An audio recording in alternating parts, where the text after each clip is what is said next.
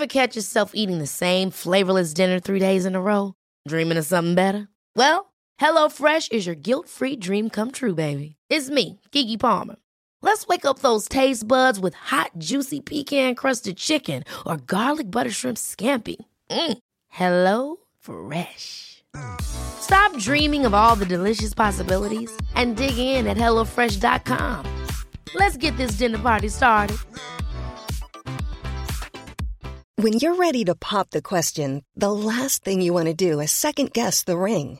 At Bluenile.com, you can design a one of a kind ring with the ease and convenience of shopping online. Choose your diamond and setting. When you find the one, you'll get it delivered right to your door. Go to Bluenile.com and use promo code LISTEN to get $50 off your purchase of $500 or more. That's code LISTEN at Bluenile.com for $50 off your purchase.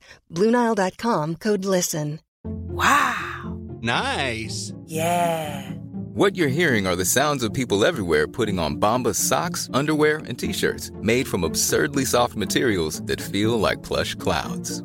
Yeah, that plush. And the best part? For every item you purchase, Bombas donates another to someone facing homelessness. Bombas. Big comfort for everyone. Go to bombas.com slash ACAST and use code ACAST for 20% off your first purchase. That's bombas.com slash ACAST. Code ACAST.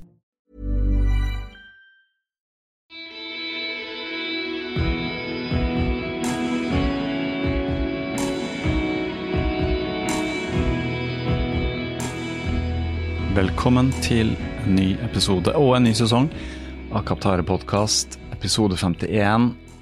Andreas Gossner eh, kom og snakket med meg. Andreas er en løperentusiast, leder for eh, løpetrening, eh, fagansvarlig der. Trener løpere til å håndtere sin første og kanskje sjette maraton. Andreas har selv løpt både kort og fort, og langt. Uh, vi snakker litt om det, hvor Andreas uh, kommer fra med løpingen, uh, hvordan han driver trening, hvilke lange løp han har løpt, og litt hvor det bærer uh, framover med Andreas. Det hele er litt nølete og eklektisk, kanskje mest fra min side.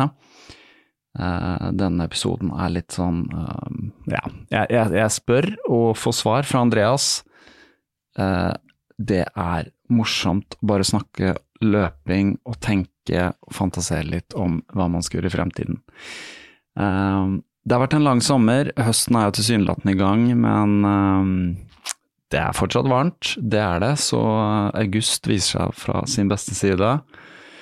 Uh, håper alle har hatt en bra sommer og er liksom klar for høsten. Uh, det har vært litt opptur, det har det, etter at uh, de fleste har eh, fått uh, vaksine. Så kunne ting returnere uh, sakte til normalen.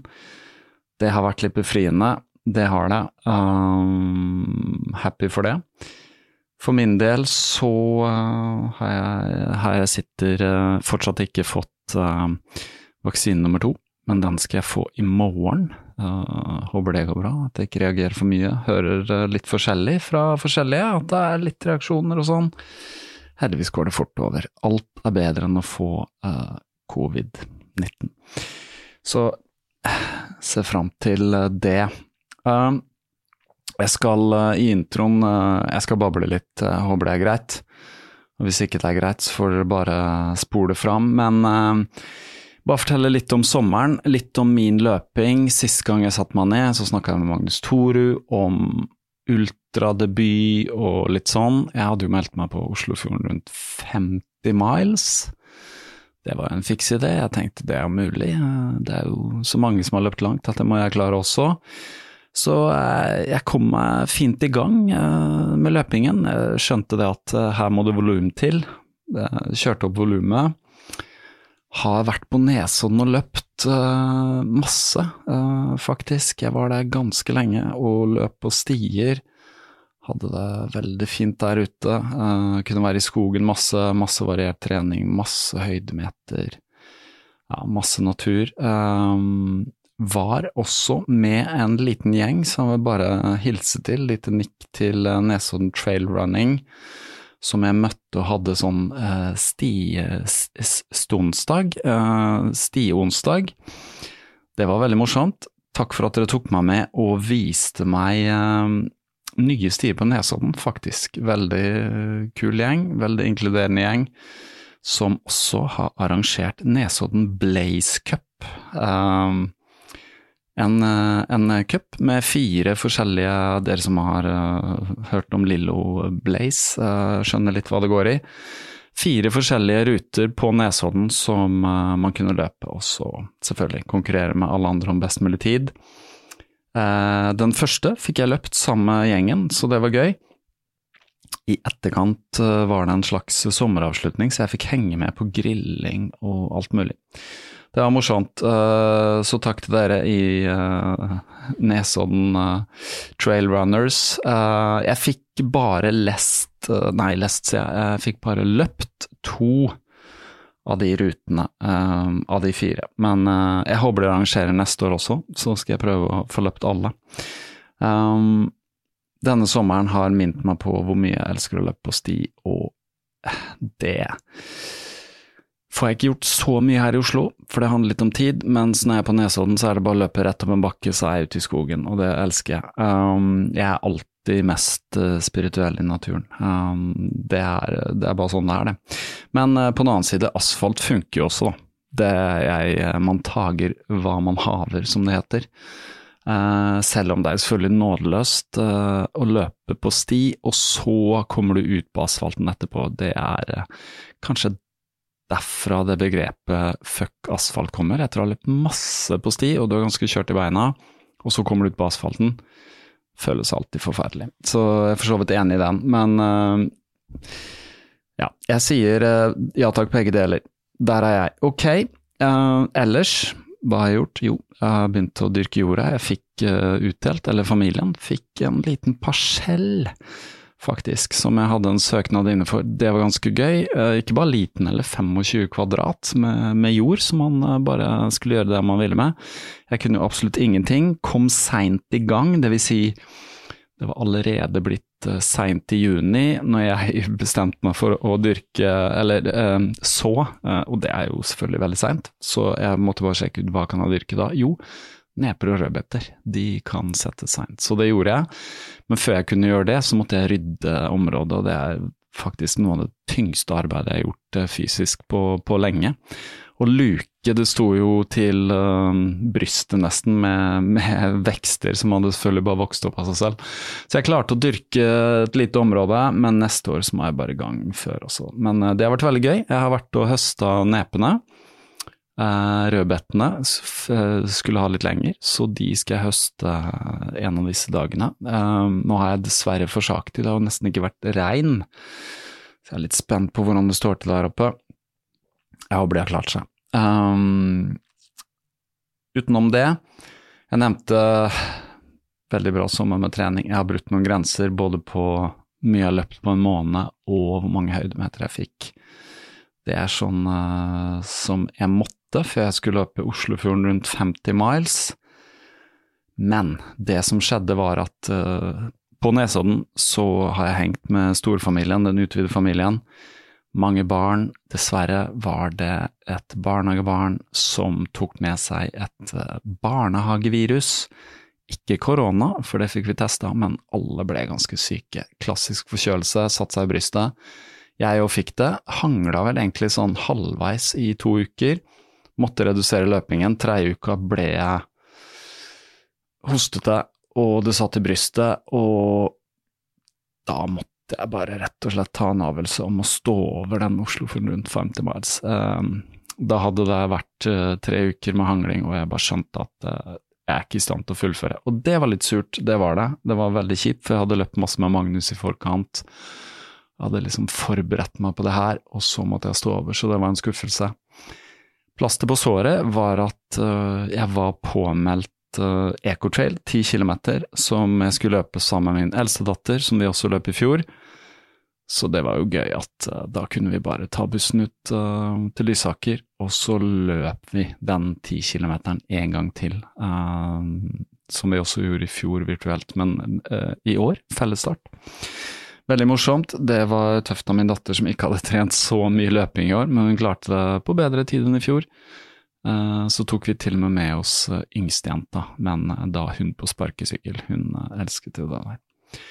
Så, så det var et eh, plaster på såret. Men jeg hadde jo på en måte trent da, og løpt og løpt og løpt, og bestemt meg for å løpe en ultra. Og så fikk jeg tips om at det var et løp som heter Ringerike sekstimers, som åpna for noen flere påmeldinger. Så da meldte jeg meg på der. Og det løpet gikk i går, eh, 29. august. Og det var eh, en erfaring, eh, må jeg si. Det var eh, kjempekult eh, å kunne dra et sted og løpe, og det fungerer sånn at det er et sekstimersløp, så vil si at fra starten går, så løpes det i seks timer.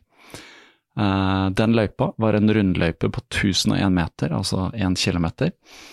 Og det føltes på en måte litt sånn betryggende, eh, for da vet man jo at man kom, kommer fram uansett hva man gjør. Om man velger å stå og løpe ut eller bryte eller hva enn man gjør, gå. Eh, Så i, i, i motsatt fall så var jeg Oslofjorden rundt et løp som gikk helt fra Moss til Lysaker, eh, 50 miles, og så helt videre til Holmestrand, er det vel. Eh, Men når jeg nevner eh, Oslofjorden rundt 50 miles, um, arrangørene der ved Thomas uh, Pinås uh, ga meg faktisk, uh, eller lot meg eh, flytte starten til neste år. Så det er jeg veldig takknemlig for. Da blir det Oslo for rundt 50 miles allikevel, for det hadde jeg lyst til å løpe. Um, men Ringerike rundt Unnskyld, jeg mener ikke Ringerike rundt, jeg mener Ringerike sekstimers. Som du skjønner så er jeg kanskje litt eh, sliten i dag. Uh, jeg sov greit i natt også, men dere vet hvordan det er med etter et løp. Man er litt, eh, litt sliten, mer sliten enn ellers. Jeg, har, jeg sitter og faktisk føler på en sånn post ultra high. Formen er ikke verst, altså. Som sagt sliten. Men løpet Veldig bra arrangement. Uh, rutinerte folk som lagde det, Uh, selv om det var faktisk en ny løype. Uh, tidligere har det vært en 500 og noe meters løype. Jeg var ganske glad for at det var en kilometer, for det er monotont nok å bare løpe rundt, særlig på en sånn næringspark der oppe. Det ble varmt. Det ble veldig varmt. Ikke en sky på himmelen. Temperaturen nådde vel på slutten der når vi var ferdig. Vi begynte vel kvart på ti på ti, og så varte det i seks timer, så det vil si litt før fire så var det over da. Da var vel gradestokken over 25 ja, i skyggen. Uh, så kan dere tenke dere i solen, uten noe særlig vind. Så det handla jo om uh, hydrering, selvfølgelig. Uh, næring, få i seg næring. Jeg hadde jeg visste at jeg måtte ha plenty med gels, jeg hadde sportsdrikke, og så serverte jo de vann og potetgull og forskjellig frukt som appelsin og druer og eh, vannmelon og epler og noe sjokolade og sånn, som jeg ikke benyttet meg av, men, eh, men jeg tok alt det andre. Um, det er- går jo veldig greit med, med gels og sånn en stund, men så blir man innmari lei, så det var vel det som skjedde igjen. Ble litt uggen til slutt, altså. Eh, men heldigvis så slapp jeg unna noe som helst som magevondt eller noe sånt. Jeg, jeg kjente på Det er noe med den sportsdrikken når man har drukket mye av det. Jeg hadde med meg tre liter, så jeg bestemte meg for å få nedpå. Jeg klarte vel eh, godt over to, eh, pluss at jeg drakk en god del vann. Og med det så sto jeg løpet ut sånn rent næringsmessig. Jeg følte aldri at jeg gikk tom, eller var i nærheten av å bunke eller noen ting. Så det jeg har lært meg, må bare få i meg. En ting til som jeg var nødt til å gjøre. Eh, av varmen så hadde jeg vannspreder der. Det er jo genialt. Eh, jeg stoppa ofte og bare spilte meg i den. Eh, og det var en kar der som, eh, som, som var support for sin kone. Et eldre par. eh, bare si takk til han, jeg vet ikke hva han het. Altså, Nordlandsdialekt. eh, gikk rundt i bare overkropp og kunne virka som han har vært eh, befal i militæret eller noe. Han var veldig inspirerende. bare Hver gang jeg spylte meg i vannet der, så var han sånn ja, det er veldig bra, og det der tjener du på, og nå skal du bare stå, stå i det og opp med hodet og Nei, det, det, det var bra. Um, så jeg skjønte det, at jeg måtte bare kjøle meg ned. Det var det en del andre som gjorde også, men jeg vil si at de fleste benytta seg ikke nok av den vannsprederen. Altså, det, er bare det, det er så deilig å bli våt når det er varmt, fordi det kjøler ned. Så på grunn av det så klarte jeg å stå løpet helt ut. Uh, selvfølgelig ble det tøft fra rundt 40 km. Uh, jeg, jeg litt over fire timer på maraton. Jeg hadde løpt uh, sub 6 blankfart, 5.48 snitt på de fleste fem kilometerne, som er autosnitt da. Eh, så da ble etter, etter at maraton ble passert på litt over fire timer, så hadde jeg som mål å eh, klare 50 km på under fem timer. Det klarte jeg. Og videre fra det så mobiliserte jeg til å nå 55 km, som var på en måte mitt mål, som jeg hadde tenkt meg i hodet at jeg skulle klare. Selv om jeg drømte om 60, men jeg skjønte etter hvert at uh, det, det, kom til å bli tøft. Så når jeg hadde løpt 55, så ble det bare å klare 57, bare fordi 57 høres jo mye bedre ut enn 55. Og så, eh, etter jeg hadde løpt 57, så ble jeg inspirert til å gjøre en siste runde og bare mobilisere. Da var det vel en, jeg vet ikke, en åtte minutter igjen eller noe sånt av løpet.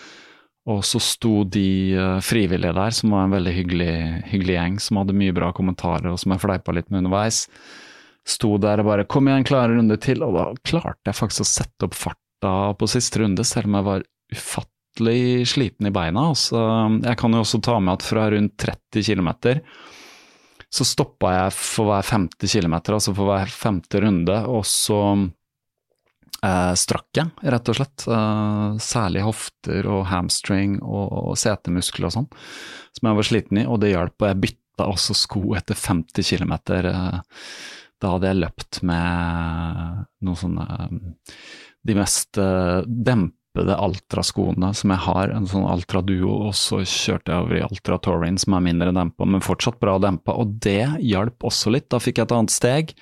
Tøffere for leggene med mindre demping, men det var på en måte da flytta jeg litt, jeg vet ikke, jeg flytta litt belastningen på muskulaturen, og det hjalp også. Så alt i alt, jeg klarte 58,3 offisielt. Um, ble nummer 18 totalt av 73 som starta og nummer tre i klassen min. Uh, gamle middelaldrende menn, uh, 45 til 49. Så det alt i alt strålende fornøyd med min ultradebut, um, og syntes det var kult. Men mens jeg løpte på slutten, så må jeg innrømme at jeg tenkte hva var det jeg gjorde her igjen? Fordi uh, det mentale er det tøffeste, altså. det kan jeg si. Uh, selvfølgelig blir sliten, men å løpe rundt og rundt og bare se de samme tingene uh, hele tiden, nær sagt. Så, men det var menneskene rundt der som inspirerte. Bare kom med noen kommentarer til folk. Se på de forskjellige. Noen passerte meg, jeg passerte noen. Bare slå av en prat med folk. Gjøre litt sånn ut av det. Uh, det var gøy. Så det ville jo selvfølgelig vært helt annerledes på et løp hvor man løper som Oslofjorden Lund fra A til B. Selv om det er en, en prøve som jeg også vil, vil bestå. Så når den tid kommer, ok.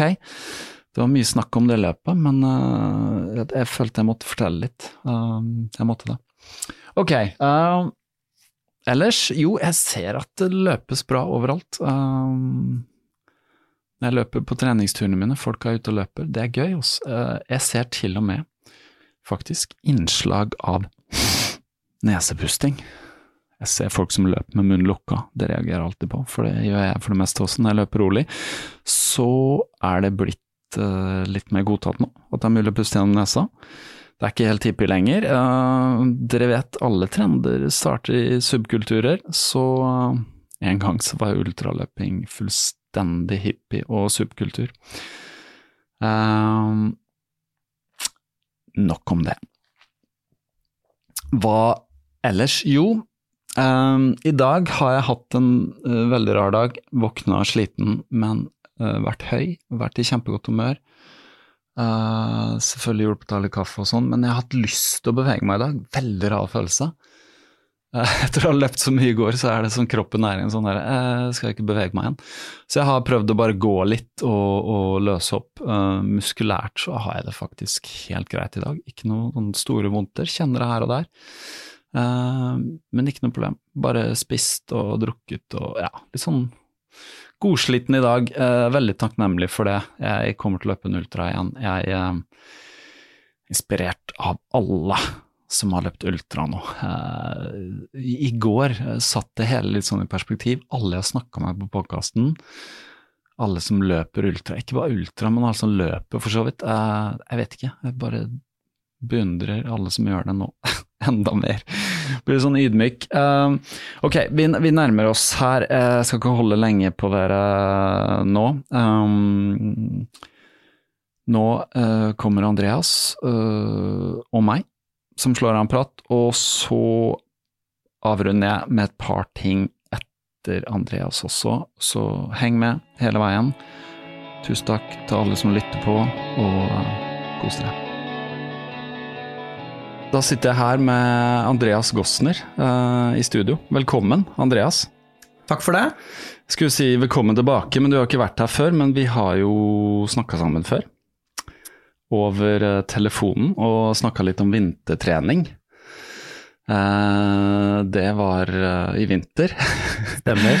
Jeg husker ikke om det var før jul eller etter, men det var i hvert fall når vi skulle Det var vel kanskje før, når vi skulle inn i liksom vintersesongen. Um, Kan det ha vært rett før uh, nyttårsaften, Ja, eller eh, rett før jul? ja, jeg lurer på det. Så, så hvordan eh, gikk vinteren for deg? Den, min personlige treningsvinter, for, Ja, for ja, å ta den, Ja. gikk kjempebra.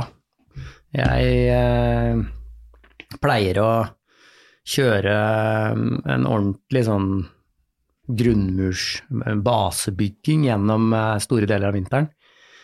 Eh, og det fikk jeg ekstra godt utbytte for i år, etter å ha gjort, gjort det mange, mange år. Mm. Så eh, jeg kom ut av vinteren i, i god form. Så bra. Det er jo det er sånn jeg har skjønt eh, etter en del sesonger òg, at uh, grunnlaget uh, legges om vinteren. Man kan jo selvfølgelig snu på det og legge grunnlaget på sommeren. Når vi bor i Norge, så er det jo de fleste som trener kanskje litt sånn som vi har gjort, da, mot et løp på våren eller på sommeren og sånn, så er jo vinteren viktig. Uh, selv om jeg ser jo, det er jo de som uh, løper mye inne på Bislett og mye intervaller og sånn der. Gjør du det underveis, eller? Det snakka vi litt om sist òg, men Ja. opprettholder du en viss kvalitet på, på øktene? Ja, Um den store forskjellen fra Fordi jeg løper jo hele året, eh, først og fremst fordi jeg syns det er gøy. Og den store forskjellen mellom hva skal vi si, vinteren og sommeren, da, for å skille de to grovt, er at på vinteren så, så er det veldig mye mer lystbetont. eh, Sånn at eh, da kan det variere mellom at du ja, løper eh, økter inne på Bislett, som du sier, sammen med kompiser og møte noen folk. Ellers løper jeg kanskje 80% alene. Mens da er det jo lett å ta i litt ekstra når du har fint underlag og ikke i snø og is. Mm. Mens eh, når du tar i på, på våren og sommeren, så har jeg ofte et mål. Mm. Og da styrer jeg liksom de øktene mer mot der jeg har lyst til å ligge for å nå målet mitt. Mm. Så hvordan, eh, snakke litt om hvordan, hvordan var det i, i, i vintra, som var liksom koronanedstengningen og Det var jo Det ble jo litt kjipt. Det var litt Ja. kjipt sånn. Det varte lenge. Det varte lenge. Det var en drøy vinter, altså fra liksom november der det stengte ned og Ja, Bislett var jo ikke åpen, ærlig. Bislett var eh, stengt sammen Ja. med alt mulig annet. Sammen med alle treningsstudier med møller og alt, så ja. Ja, så jeg, så vidt jeg husker da, så var det vel ganske ålreit vinter her i Oslo. Mm. Løpbar. Mm. Ja, eh, så nesten hver helg så, så møttes vi som da pleier å møtes på Bislett, vi møttes eh, gjerne da nede ved litt sånn klassisk for de som er glad i løping i Oslo, så, så har vi så blir det litt løping nede ved vannet, for der er det fuktigere. Så Frognerkilen er Mm. en kjent eh, strekning for mange som løper. Så jeg løp ofte der eh, på lørdager, Mm. eh, tidlig på morgenen. Gjennom hele vinteren, egentlig. Det er, ja, når du nevner det, Frognerkilen. Jeg har sett uh, deg følger jeg vel på Strava og en god del andre. Mye intervalløkter. Og det er jo rett og slett fordi det er eh, mye rett fram, og det er flatt. Uh, Ja, det, det er Ja. mye rett fram og flatt. Uh, Det jeg valgte å gjøre i vinter, var vel å kjøre uh, vesentlig mindre intervalløkter. Mm. Jeg kjørte mer hva skal vi si, kontrollerte, progressive langturer eh, som starta veldig, veldig rolig. Mm. Og så var det ikke så lange når vi var liksom i desember og januar. Og så la jeg på fem-ti minutter sånn annenhver lørdag. Mm. Eh, og ofte så var det de fem-ti minuttene de skulle gå litt fortere. Mm. Eh, og når vi kom, når snøen forsvant og vi kom ut i mars-april da, så var jo det en skikkelig god langtur. mm. Så du løper du, progressive langturer.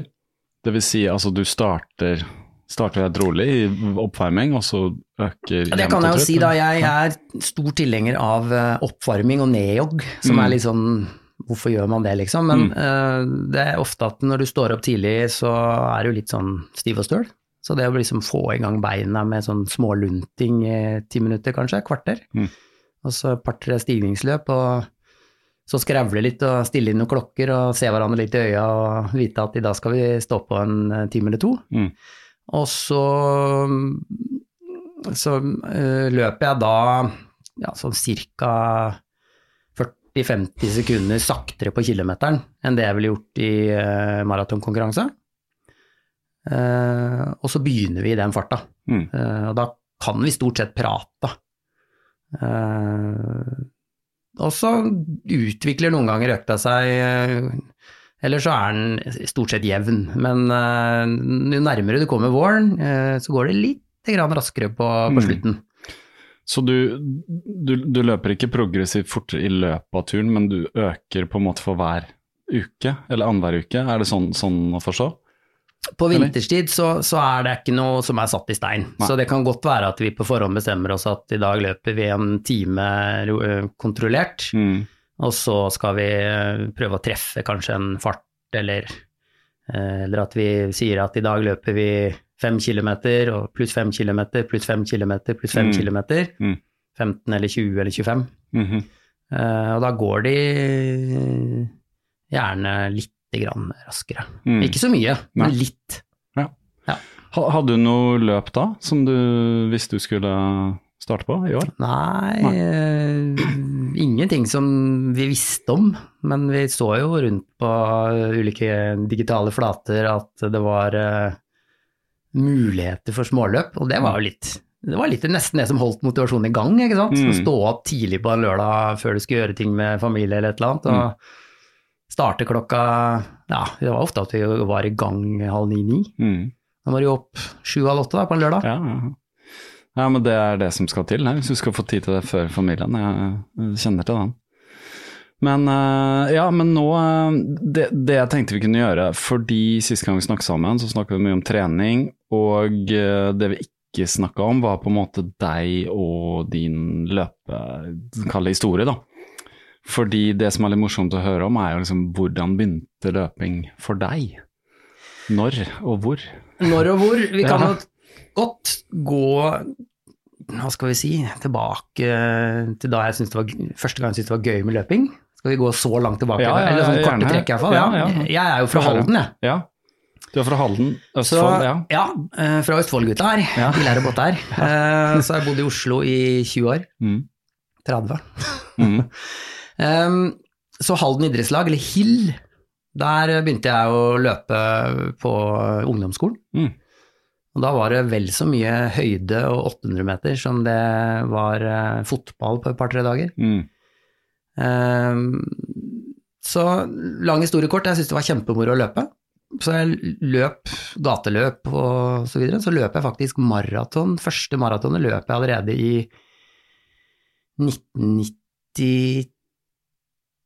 1993, var det vel. Da var jeg jo 20. Ja, det er da Først, jeg Første løp du stilte i? i, i maraton, ja. Ja. Det var fra Sverige og mål på festningen i Halden. Ah. Da var jeg ikke trent for maraton, så da måtte jeg stoppe og krabbe et par steder. Jeg var helt Oi. stopp etter eh, 4-25 km. Ja. Så jeg kom vel inn rett under fire timer, men eh, det var en selsom opplevelse. ja. Du fikk deg et sjokk der. Ja. Ja. Og så gikk det via litt eh, skole og litt militære og litt jobbing, og så holdt jeg ved løpinga sånn halvveis i gang, og så fikk man en familie, og nå hopper vi veldig fort der. Mhm. Og midten av 30-åra så ble det plutselig et sånt mål der jeg liksom, nei, begynne å trene litt igjen, og sikte seg inn, satt seg et mål liksom, ok, nå har vi fem år, skal vi komme under 40 på 10 km. Mm. Og da hadde jeg akkurat løpt sentrumsløpet på 7-48 minutter. Mm. Ehm, Med små barn og sånn på den tiden, eller? ja, Ja. Da, da hadde jeg to små, han har fortsatt to, og de er nå ungdommer. Mm. Eh, Så jeg og en kompis, vi klarte det. Men det tok tid, altså. Mm. Den der å knekke den fra å trene innimellom og ha sånn halv, halvbra, halvdårlig ser på det nivået, Mm. og så komme seg under 40 minutter. Jeg husker jeg var litt sånn, ikke sikkert det går, vi prøver. Hva visste du da om trening og hva som skulle til? Eh, Jeg visste noe, og men var, var ikke så flink til å, å følge det, egentlig. Eh, sikkert sånn som mange kjenner seg igjen, at man vet sånn hva man bør og burde i store trekk, og så gjør man det egentlig ikke. Mm. mm. Så nei, det var eh, Vi hadde vel en gang i uka der vi løp en fem-seks kilometer, og da tok vi i det vi hadde var remmer og tøy holdt. Ja. Uh, og så var det noen naturlige sånne pauser med 'nå gidder vi ikke' og sånn. Mm. Så det tok jo fem år, da. Ja. Uh, nå vet jeg jo bedre at det kunne fort sikkert tatt kortere tid hvis jeg strukturerte, men det, det gjorde vi ikke. Nei. Ja, det var litt den der, det, det er det inntrykket av de som ikke har reflektert så mye over løping og vet så mye om trening. Det er liksom ta i maks, for det er det som gir maks utbytte. Den, liksom. Jeg var vel den klassiske mann eh, med halvveis 40-årskrise som fant en runde i nabolaget og snørte på seg skoa. Gikk ut og løp eh, 25-30 minutter, og så uka etter så skulle jeg sjekke om jeg liksom, har jeg klart å forbedre meg en 10-15 sekunder, eller? Mm. Og var veldig fornøyd med det, ikke sant? Mm. Og så løp jeg en gang til, og så to uker etterpå så ville jeg gjerne ha en ny forbedring, for jeg synes sånn hver annenhver uke hele tiden. Mm. Og det, det har ikke funka så bra for, i det lange løp, for å si det sånn. Da blir det, så fikk jeg jo, plutselig så ble jeg dårligere, ikke sant. Mm. Tok i for mye, Mm. og så ble jeg skada. Ja. Hvor, hvor satt skaden seg? da? Klassisk løpekne. Ja, nettopp. Ja. Så jeg satt vel inne et halvt års tid, tenker jeg, før jeg både visste hva det var og fikk uh, fysikalsk behandling til slutt. ja. Klarte ikke å fikse det sjøl. Nei, ikke sant. Hva, hva Fikk du tid da til å begynne å reflektere litt over, eller se litt på Eller når kom liksom, for at det er tydelig at du opparbeida mye kompetanse og kunnskap om løping. Så når kom det inn, at det liksom, for det krever jo en innsats. At man leter og leser og prøver ut ja, teorier da, som man leser og ser hva funker og ikke. Det tar jo litt tid. Ja, eh, de som spør hvor lenge jeg har holdt på med løping, da sier jeg jo en eh, 10-15-20 år, men jeg kan tenke meg at de siste 10-12 åra Mm. så har jeg nok vært rimelig tro mot eh, det jeg lærte fra, ja, fra jeg var en 28-39 år, Mhm. opp mot 40, og så, så ble det trent helt annerledes, da. Eh, spesielt siste året før eh, man bikka 40 år og kom under 40. Mm. Eh, da hadde jeg på en måte prøvd og feila i to-tre år. Mm.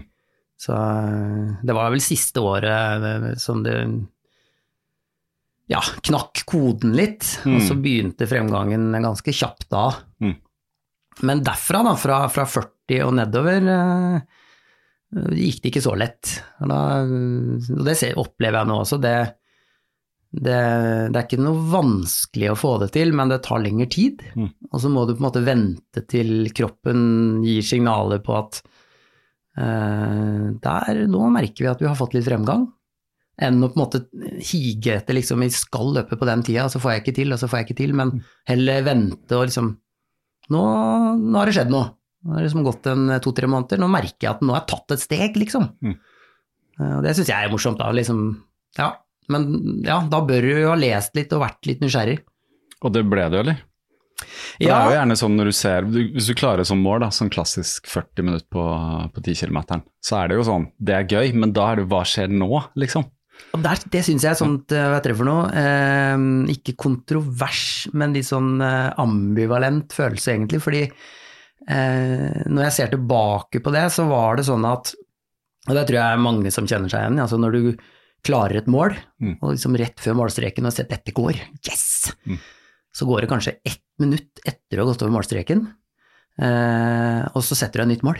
Mm. Du klarer liksom ikke å nyte den der eh, har du kanskje trent i årevis vet du, for Mm. å klare det, Mm. og så bare begynner du å se liksom, hvor kunne jeg spart noen sekunder, og, Mm. Hva kan jeg, kunne jeg løpt hvis jeg var så god, og, eh, og det er litt sånn, ja, rart egentlig, men, men eh, så det skjedde med meg òg. Mm. Og da var det liksom å begynne å, ja, eh, sikte mot skyene og Mm. men det gikk jo ikke fort, da. Det, det, det tok Ja, nå er jeg jo jeg er 48, eh, og det tok nok Ja, jeg tok kanskje et sted mellom 30 og 40-50 sekunder per år Mm. i snitt da, etter det, men det var et par år det flata ut. Og så tok jeg et jafs, og så sto jeg stille et år, og så fikk jeg ikke noe fremgang, og tenkte ja, ja, da er jeg liksom ned på 37, og så gikk det et år til, og så sto det stille, ikke sant, og så, eller ti sekunder, ja. Plutselig så løsna det igjen. Men nå har jeg ikke hatt fremgang på ti kilometer på ja, ja, snart to år, da. Mm. Eh, Løp eh, Ti for Grete på 2019 på eh, rett under 35. Mm. Og det er pers. Ja, 34,48.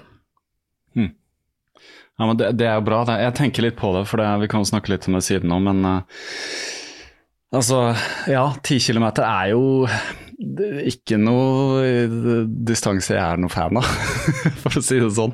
Jeg har aldri prøvd noe sånn under 40 og sånn, eh, mer opptatt av halvmaraton, for jeg føler at det, er, det er, løper veldig fort over ganske lang distanse. også. Veldig gøy når det klaffer, når jeg form og setter persen og sånn, men det er en krevende, og det krever jo en del trening på veldig mye hastighet òg, at du løper intervallet på ganske høyt tempo. Det er jo tøft, eh, selvfølgelig. Ja, jeg, jeg, er enig med deg der, og både fem og ti kilometer er litt sånn vanskelig å trene mot, Uh, satt i lys av at vi blir eldre og kanskje ikke kan prioritere den type trening, da. Mm. Uh, og det er kanskje det vi ser rundt i samfunnet oss ellers, at den distansen som, uh, skal kalle det mangel for bedre ord, øker i mest popularitet, det er jo halvmaraton. Mm, Og det er jeg enig i, det er en kjempemorsom distanse. det er det. Akkurat så langt at du liksom ikke må løpe så veldig fort å begynne med, men samtidig hardt nok fra Ja, det kan være alt fra 15, 16, 17, 18 og inn. Litt Litt ettersom hva form man er i. Jeg har forskjellige erfaringer der òg, men, eh, men du har jo løpt halvmaraton nå. Det har du. Eh, og der, er der, jeg, der har du også gode, gode tider.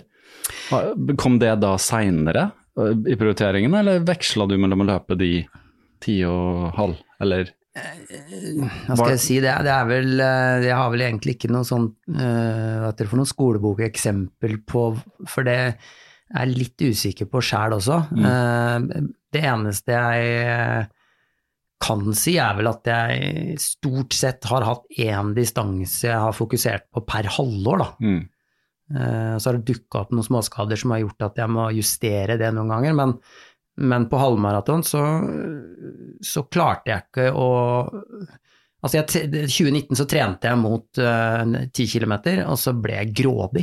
mm, Så, så jeg løp uh, Tid for Grete, så løp jeg hytteplanmila fem sekunder dårligere der, og så gikk det en helg, og så skulle jeg løpe halvmaraton og bare liksom Æsj, jeg klarte ikke hytteplanmila enda raskere. Og, så, Mm.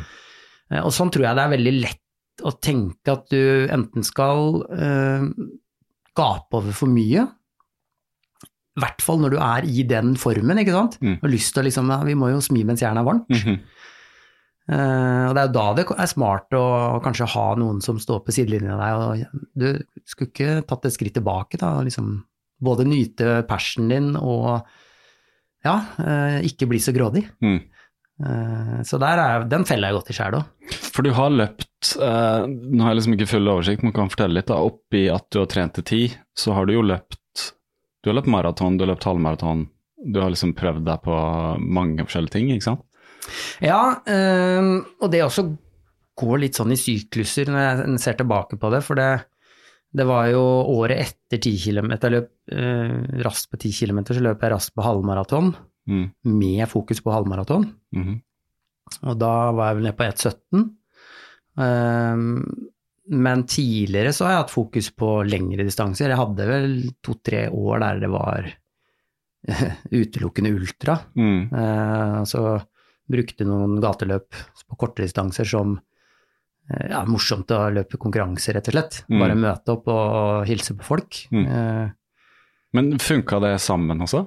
Fokus på ultra, mye volum og liksom korte, raske ja, for da løper jeg ikke noe fort på trening. Nei. Da brukte jeg liksom konkurransene til å eh, løpe fort. Ja. Eh, I den forstand, det var langt unna noen rekorder, Mm. men fordi du var ikke trent for det. Mm. Så, så da var det mer for eh, sosiale, få på seg startnummer, Mm. uh, kjenne litt på sagmuggen. Ja, ja.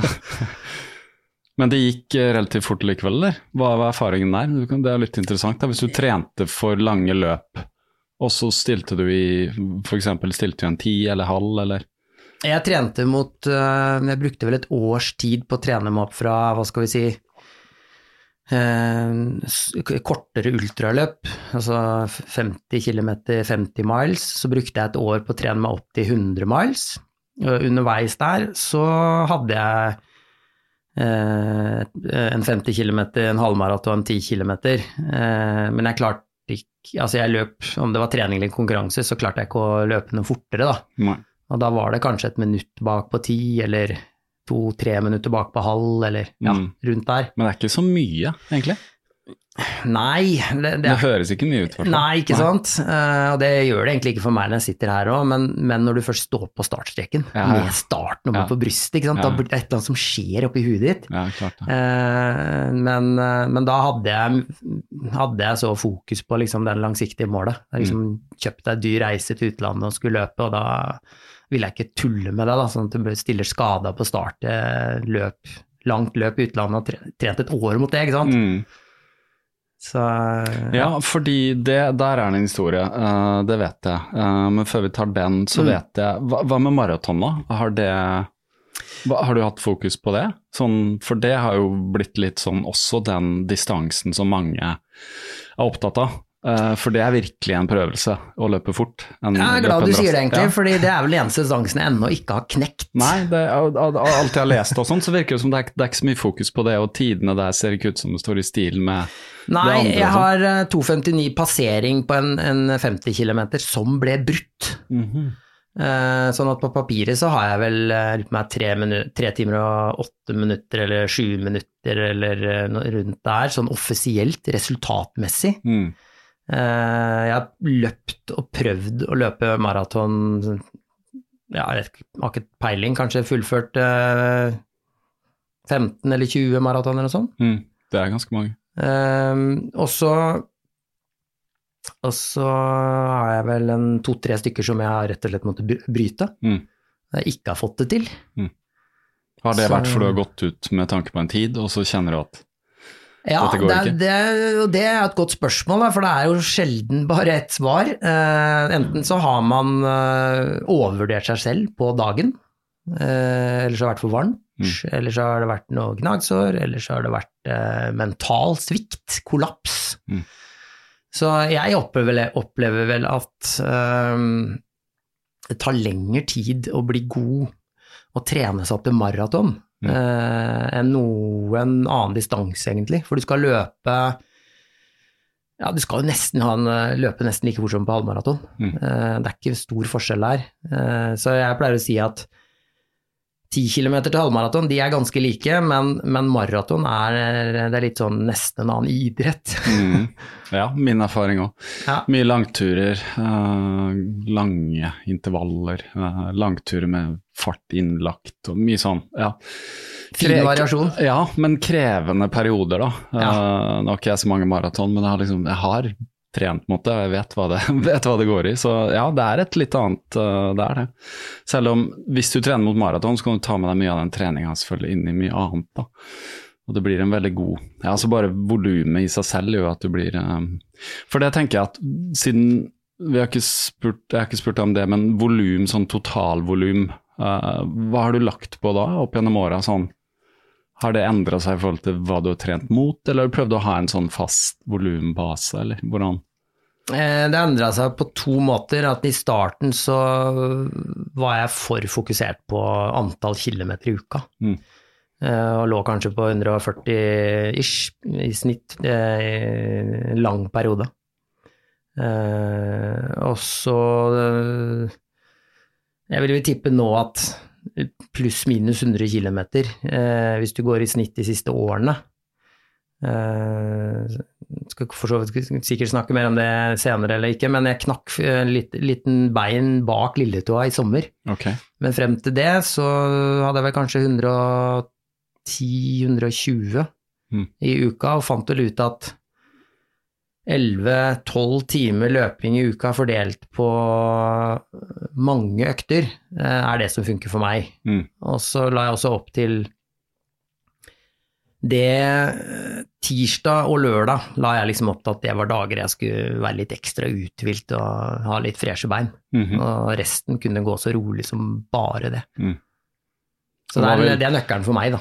Rolig snakker vi sånn, Er du sonene baserer på sone eller tempo, eller hvordan tar du på følelsen, eller hvordan hvis du, For at rolig er det sånn Det er mange som sliter med rolig, altså. Ja, øh, det er rolig for meg og rolig for deg. Ja, ja. Eh, det, hva skal jeg si, det må jo også trenes på som alt mulig annet. Men fartsmessig så ligger roløktene mine kanskje på 5,30 på kilometeren. Ja. Eh, også 6 blank, for den saks skyld. Ja, da er det rolig for en med din. Eh, Ja. Og så har du så rolig langkjøring kanskje 4,30, Mm. og til pluss minus 4 blank kanskje. Mhm. Ja. Så er det jo ja, litt variasjon på intervaller hvis du skal løpe fort. Ja. Det er alt mulig. Ja, ikke sant. Nei, for at det med rolig er litt sånn? For man snakker mye om rolig sone 1 og sone 2 og sånn. Og sone 1 er jo, hvis man tar pulsen, så må man passe på. Da er det jo snakk om ikke øke mye fart, eller bare en oppoverbakke, så spretter du opp i sone 2. Mm. Eh, og jeg har slutta på Altså, jeg har fått en sånn derre Jeg rota bort den puls, lille saken til pulsbeltet, har ikke på klokka. Den er lille, jeg finner den ikke, så jeg, jeg har ikke løpt med pulsbelte på lenge, eller for hele, hele vinter så gjorde jeg liksom ikke noe hardøkter. Så min rolige løping nå er bare sånn på følelsen, Ja. ikke sant. Uh, så det blir veldig sånn, og jeg kjenner jo også om så jeg kjenner det så godt når jeg ikke har den eh, pulsklokka, eller når jeg ikke ser liksom, så kjenner jeg så godt på meg hva er liksom rolig og ikke. da. Ja, og det syns jeg er interessant, for jeg er veldig opptatt av det at eh, når du først skal gå rolig, så skal du gå rolig. Mm, Eh, De som ikke kjenner og vet hva den rolig er for seg, Mm. de kan jo bruke puls da, som Mm. et styringsverktøy, men, men det er nesten best det er jo hvis du etter hvert merker hva rolig er, Mm. og at du da Farta blir jo det den blir. mm, Eh, sov du dårlig i natt, eller tatt eh, koronasprøyta, eller Ja, hva du har gjort, ikke sant. ja. Så, så, så farta er jo bare en konsekvens av innsatsen din. mm. Det er sant, det. Så ja, og om du løper flatt, om du løper opp, om du løper på sti, ikke, så ja.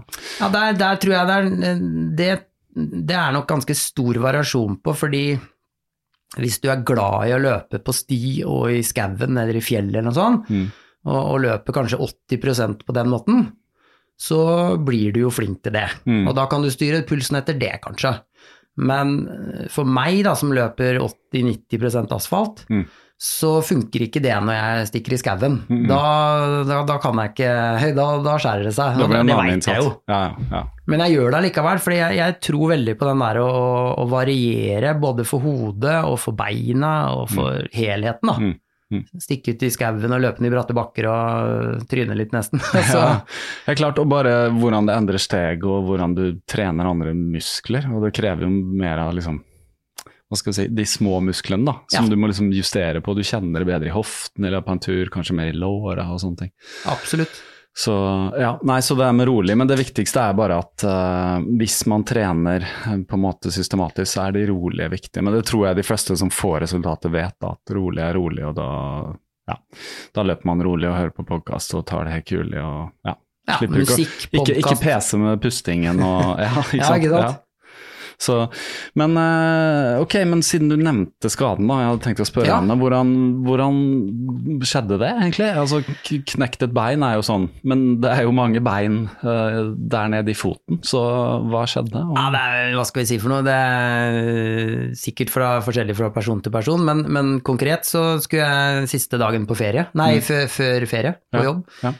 Så løp jeg bare en kort økt, og så kjørte jeg noe stigningsløp, og så klarte jeg å lande eh, siste steget mitt mellom to brostein. Og da hørte jeg bare sånn kjip knepp, kneppfølelse. Mm. Trodde jeg hadde trådt over, men eh, dagen etter så var det ikke noen sånn voldsomme hevelser. Litt blod mellom tærne, sånn mørk farge og sånn, så ringte jeg fastlegen og fikk time fire uker etterpå, og det, Det går ikke. det går ikke. Så Nei. da var det bare å ta det med ro og sitte litt høyt med foten og hoppe litt på krykker i to dager og ise ned. Mm. Og så leste det seg opp på Google, rett og slett. Mm. Så jeg fant vel ut at du skal belaste i forhold til at det ikke er eh, Altså hvis det er ubehagelig eller lett ubehag, så kan du belaste, men begynner det å gjøre litt vondt, så stopper det. Mm. Eh, Så jeg kunne jo ikke gjøre annet enn å hinke i en uke, og så kunne jeg gå en uke, og på uke tre så begynte jeg å ja, noe som ligner på kanskje noe småjogging. Mm. Da var det, tok det fem minutter på å kle på seg skoa, Mm. og så klarte jeg å hinke, gå og jogge tre ganger 100 meter, og så hjem. Så du tok Ja. Men det var ikke vondt da, eller? Eh, nei, da stoppa jeg med en gang jeg kjente at det var eh, vondt. Ja. Så da var det litt sånn Den ene dagen så måtte jeg komme meg på trappa, og så au, au. Og da gikk jeg inn igjen. ja, ja. Men visste du da at den var knekt? Et lite ben var knekt, eller? Jeg frykta vel at det var eh, brist eller knekk eller et eller annet sånt. Nå har jeg fortsatt eh, Nå har jeg vært og tatt røntgen, og nå har jeg ikke fått svarene ennå, men eh, min, han jeg bruker som eh, jeg går til behandling hos, han sa vel bare at eh, så lenge ikke legen eh, ringer, så, så er det ikke negativt iallfall. Nei, nei, ikke sant. Så etter fire uker så kunne jeg egentlig jogge i eh, ja, fem-ti minutter. Mm. Og da så jeg på klokka det var etter økta, da liksom hadde gått i åtte minutter på kilometeren. Ja. Så da Ja. Da, men da var fokuset liksom ok, jeg vil gjerne jogge et, et eller annet hver dag. Mm. Så ene dagen ble det tre minutter, og så ble det åtte minutter, og så ble det fem minutter, og så ble det elleve minutter, og så Mm. fortsatte jeg frem til liksom Og nå har det gått sju uker, så nå Nå er jeg normal trening. Ja. Så Ingen jeg, føling med noe nå, eller? Nei, jeg kjenner at det er forskjell på høyre- og venstrefoten, Ja, ja. men uh, de siste to ukene så, jeg, så kan jeg løpe uh, normalt uten at jeg verken har noe følgefeil eller beveger noe annerledes eller uh, ja. Så da er det egentlig bare å vente på at kroppen begynner å respondere på den Mm. treninga man begynner på. For man har satt tilbake sju uker, da. Ja. Det er en del, det, altså. Ja, det Ja. er veldig mye. Hvordan har det vært? Eh, Jeg hadde jo fått eh, Jeg hadde lagt meg ned og grått. jeg, jeg var, første uka var eh, Ja, det var mye negativ tankegang. Ja, ja. Eh, familien var Vi skulle gå opp til hva heter det, platået på Geir... Nei, Prekestolen. ja. For rett inn i ferien. Ja. Ja. Så da kunne ikke jeg være med. Nei. Det er litt rart, liksom. Jeg er aktiv, og så drar familien på til Prekestolen, og du må sitte i sofaen. Mm. Ja, Så- den er litt tøff. Nei, da, altså, men det, ganske kjapt etter den uka så gikk det over i liksom, ok, sånn er det, får ikke gjort noe med det. Nei, det, kan, det er jo ikke noe å gjøre. Nei. Det er det, så man må bare stoppe den negative, for jo, da blir det mye verre, selvfølgelig. Men uh, godt å høre da, at du er tilbake igjen. Uh, så det er rett og slett u, et uhell uh, å, å lande feil sånn. Brostein er jo lunefull, lunefullt underlag, da. Jeg har funnet ut at det, det var ikke noe annerledes jeg kunne gjort for å forhindre det, det fordi jeg, jeg tror bare var uheldig, altså. Mm, -hmm. Så det, jeg har hørt en annen eh, som også hadde gjort det de siste Vært borti noe lignende, da. Mm. Men uh, ingen andre. Nei. Nei, men ok, så nå er du i gang igjen. Er, Ja. det, er det et løp? Um, du har jo vært nå Jeg så det var en uh, liten sak i Aftenposten, faktisk, uh, med deg nå. Og da snakka du vel om et løp? Skal du løpe København, eller skal du, har du en halvmaraton nå til høsten? Søndag 19. september så er det København med halvmaraton, og det har på en måte vært det som har vært målet mitt i år. Mm -hmm. uh, og jeg er påmeldt og kjøpt flybilletter og sånn, og Og nå er jeg det jo tror da jeg kommer til å stille. Ja, litt, Ja. Det er liksom Ja. det fire uker, var fire uker i går, da. ja, Så, så, men eh, hva, hva som skjer den dagen, det er nesten litt sånn at eh, jeg må vente nesten til siste uka, eller ti Ja. dager før, da, som jeg pleier å kjøre en sånn liten test. Ja. Og hvor, hvordan den testen går, det får vi jo se, da. Men fortell, ja, det Ja. vet jeg, for du har fått litt erfaring med halvmaraton. Du kjører en test ti dager før, for da vet du hvor du er. For at ti dager før så er det for seint til å gjøre noe stort. Ja. Mange sier jo at to uker er litt sånn greia. Det, det er mange som starter nedtrappinga ca. to uker før. Ja. Hvis du har gjort det mange nok ganger, så vet du at du kanskje må kjøre to og en halv uke, og noen kjører ti dager, eller ja, det er det jeg har landa på, da. Mm. Og da kjører jeg eh, Det er ikke noen fast distanse, men ofte så er det mellom 10 og 15 km, faktisk. Mm. Uh, og da har jeg sett litt på Så det er to ting jeg styrer etter. Uh, da ser jeg, vet sånn røftlig hva jeg skal ligge på i puls på konkurransedagen. Mm. Uh, og så vet jeg hvilken følelse jeg ønsker å ha når jeg er ferdig med testløpet. Mm. Eh, og så disponerer jeg i forhold til pulsen, og så ser jeg litt sånn ok, hva ble resultatet? Mm. Så prøver jeg ikke å se så mye på klokka, men bare glimter ned og liksom ligger på den intensiteten jeg skal ha da, på Mm. konkurransedagen. Mm. Og da, mm, da er ikke farta så viktig, annet enn at jeg kan lese ut hva jeg sannsynligvis bør klare ti dager etterpå. Mm. Uh, så, og den funker stort sett hver gang. Altså. Så hva, hvordan pleier du å eh, disponere etter puls? Altså du ser på liksom hvor høyt Ja, når jeg løper halvmaraton, så ligger store deler av eh, konkurransen min i høy sone 3, -hmm. og litt inn i sone 4. mot slutten, ja. Mhm. Eh, så da overdriver jeg litt, og så begynner jeg i sånn sone 2, lav sone 3 kanskje, på dette testløpet. Mhm. Eh, og da vet jeg også hvilken følelse jeg skal ha, så jeg starter liksom ganske kontrollert, og så kikker jeg på klokka etter fem minutter og ser at ja, nå er vi der vi skal være. Mm. Og så ligger jeg der så lenge som mulig, og da vil jo farta være røftlig jevn, og så stiger pulsen sakte, men sikkert jo mer du jobber på den Mm. farta. Mm. Uh, og da et sted mellom fem og ti sekunder saktere enn konkurransefarta pleier det å, å ligge på, da. Mm. Og da veit jeg at hvis jeg har et sterkt hode, får en riktig rygg, så Mm. vet jeg at eh, da kan jeg ta vekk fem til ti sekunder på konkurransedag. Mm. På halvmaraton, da, vel å merke. ja. Gjør du det samme med ti? sånn? Nei, det klarer jeg ikke. Nei. Da blir det for fort på testløp, liksom? Ja, eh, jeg har vel Jeg har ikke noe fast der. Nei. Eh, Jeg har det på, på halvmaraton. Det jeg gjorde før, eh, da jeg satt pers på Tid for Grete, så hadde jeg tre sånne nøkkeløkter. Mm. Eh, Fire uker, tre uker og to uker før løpet. Mm. Eh, Da hadde jeg fem ganger 2000, da hadde jeg sju ganger 1000, og så hadde jeg tre ganger 3000. Mm. I den rekkefølgen? Eh, I den rekkefølgen. Ja. eh, Og, og da hadde jeg på konkurransefart, i ønsket konkurransefart. Mm. Eh, Men da var jeg i mye bedre form, Mm. sterkere og tålte eh, det på trening. Mm. Eh, Og så trappa jeg ned, og så traff jeg. Ja. Så eh, den har jeg ikke turt å kjøre på halvmaraton. Jeg vet noen gjør det også lignende på halvmaraton. Mm. Eh, Så der er vi jo forskjellige, og da må man nesten prøve å, å feile litt, da. ja, ja. Hva Men- er det som funker? Men for å bli rask på halvmaraton trenger du også de intervalløktene. Er noen, hva gjør du annerledes mot før halvmaraton, da? I forbindelse med intervalløkter? Altså det, det jeg har erfart de siste årene, er jo at øh, treninga du legger ned, øh, har en konsekvens i at du blir bedre. Så veldig kort fortalt, så altså, dette med kontinuitet er jo nøkkelen i bunn. Mm. Eh, når det gjelder intervaller, så har jeg også funnet ut, eller i hvert fall sånn jeg styrer det nå, er jo at eh, pausene der sånn er nesten de viktigste. Sånn Mm. at du eh, ikke trener for hardt, rett og slett. Mm. Eh, så, og intervall er jo egentlig sånn strengt tatt, eh, bare sagt at eh, intervall, du skal ha et intervall Mm. mellom Ja. innsats, Ja. og hvilken fart det er, det, det styrer du jo sjøl. Ja. Så det er mange som allikevel forbinder av intervaller med ja, da skal vi ta i, ass. Ja. Nei, du må ikke. Nei, nei. Nei, jeg har også justert litt der opp gjennom åra. Um, men det, det, ja, det er viktig det du skjøt inn der, eh, kontinuiteten. For mm. vi må ikke glemme det. Nå sitter vi liksom og tar det litt som en selvfølge, men det var Ja. rett før eh, Jeg titta bare på en video som har lagt ut på den eh, løpetrening på Facebook. Mm.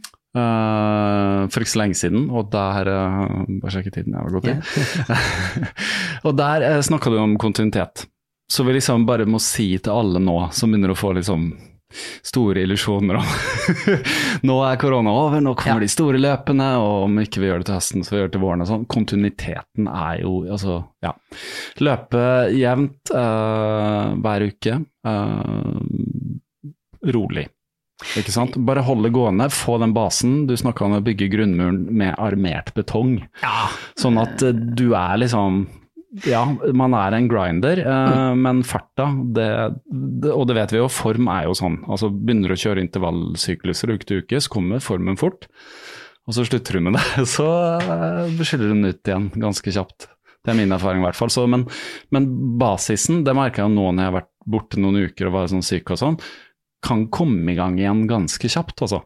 Med de rolige turene. Det er ikke sånn at wow, nå, liksom, nå er det tøft å løpe rolig igjen. Det er liksom, den er der på et vis. Det er den som holder, holder lenge, da. I hvert fall. Ja, Så- altså kontinuitet for meg handler jo Den er tett opp under eh, at jeg syns det er gøy å løpe. ja, ikke sant. Uh, og det tror jeg må ligge litt i bunn, litt Mm, sånn mm. driven, den indre driven. Men uh, altså, veldig stort lerret å bleke det er å snakke om kontinuitet, ikke sant? Ja, ja, ja, det det Men det, det, det som mange kanskje ikke har erfart enda, det er jo eh, selve utbyttet når du har fått kontinuitet år ut og år inn. Mm.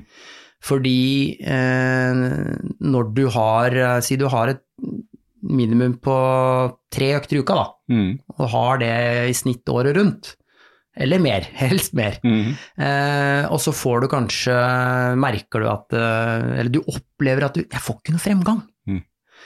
Eh, men du føler at treninga blir gjort. Du liksom humper i det samme sporet. Mm. Det er kontinuitet. mm, Fordi hvis du har et par uker opphold der du enten trener én gang eller ingenting, Mm. så vil du merke at når du da kommer i gang igjen to, tre, fire uker etterpå, så, så oppleves det du syns var kjedelig og litt sånn traust forrige gang, det er plutselig slitsomt. mm. Og da merker du at det, ja, men det var jo der jeg var. Mm. Og da begynner du å merke at denne kontinuiteten, den var ikke så dum, den kanskje. Nei, det, det, det er det. Uh, Snakke om det her med gøy. Ja, når jeg så på den videoen, så så jeg der hvor du løp uh, og filma deg sjøl, kjente jeg den med en gang. Det var liksom ned mot uh, gamlebyen, kom liksom fra Galgeberg eller Vålerenga oppe der.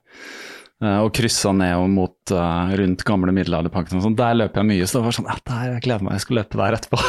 Ja, ja. sånn, Snakk om gøy, altså. Det er jo, kontinuitet er jo det også, ja. At du har det gøy uh, på en tur. Eh, Og det kan være om det er liksom en fast runde og du liker å løpe opp gjennom den skogen, eller eh, nå skal jeg ha liksom ukas podkast, den og den, det jeg gleder meg til, eller ja, nytt album med en eller annen, eller bare komme seg vekk fra kone og barn, eller Få litt friminutt. Ja, få litt friminutt i hodet. Um, det jeg snakka med en del andre om som ikke løper også, den derre tiden for seg selv, da. Eh, og noen går jo inn på et rom og hva vet jeg, eh, skriver eller gjør noe, men for oss som er liksom barnefedre og travle med jobb og ikke sant, alt sammen, så er det å bare løpe ut er jo frihet, egentlig.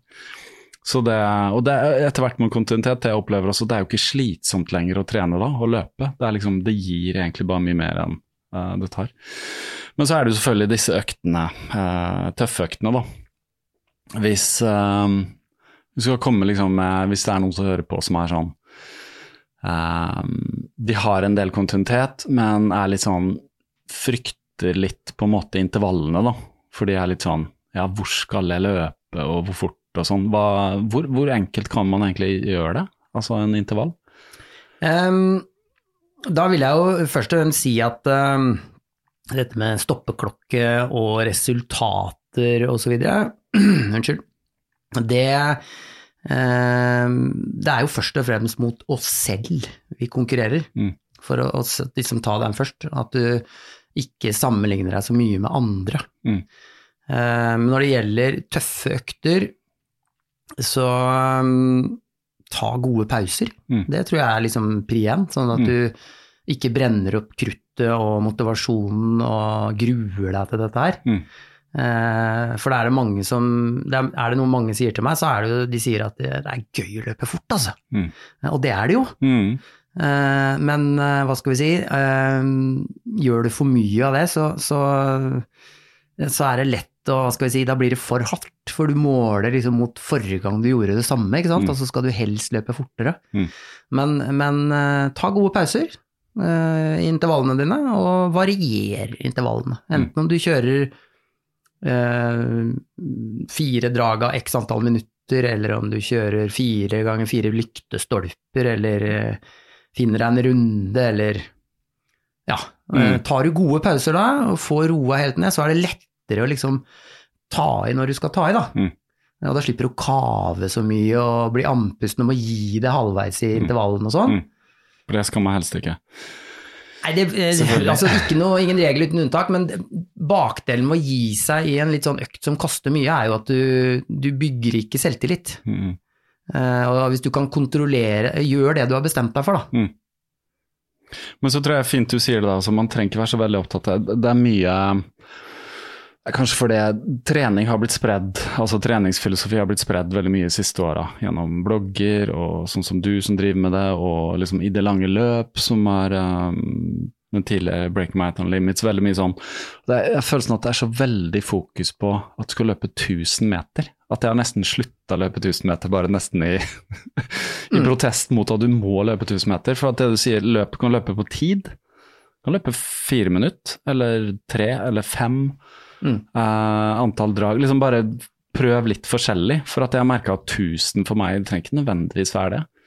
Uh, du nevnte jo 2000 meter. Det kan være gøy. 3000 meter, uh, men kortere, da. Bare Mm. sånn summere opp. Eller sånn som meg i vinter, eller fjor vinter var det, når jeg skulle egentlig løpe halvmaraton. Uh, runde i Tøyenparken. Ja, ja, ja. Selv om det var bakke. Altså at jeg bare justerte hastigheten. Da begynner det å bli litt sånn komplisert, for du må ta litt på følelsen og sånn. Men justerte hastigheten opp, Uh, prøvde å ligge på samme effort. eh, Ja. Så man må ikke liksom på Bislett stadion eller opp på Bekkelaget og løpe liksom en 400 meter bane og måle nøyaktig. Selv om det kan være veldig gøy, det òg, for da får du veldig kontroll på farta.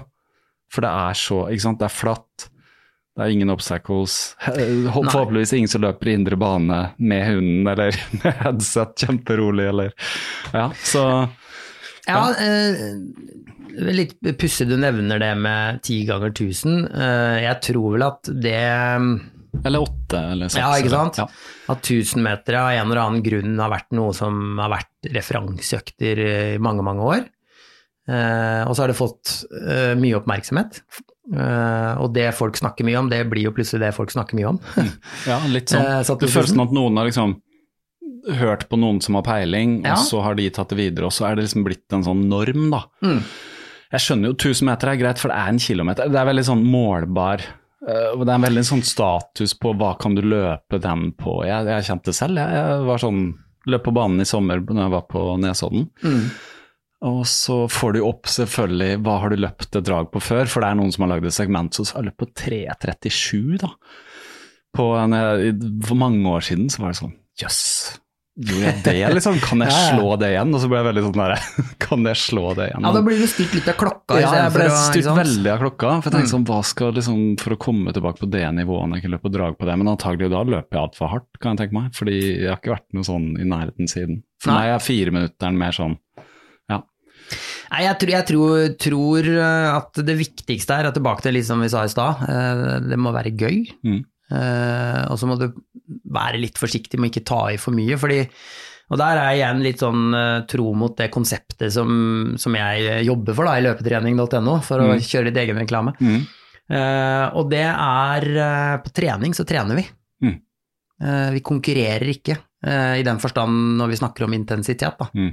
Mm. Så hvis du har mulighet til å kontrollere treninga di, eh, så, er det, så betyr det at du kan gjøre det samme neste uke òg. Mm. Uten at du, Mm. eh, Hvis du trente for hardt den ene uka, skal du da trene enda hardere neste uke, så er du inne i en sånn sirkel. Mm. Eh, og hvis du kan trene, altså ikke ta i altfor mye, da, så opplever du ofte at du løper for deg sjøltillit. Mm. Og det er jo ikke dumt. Nei.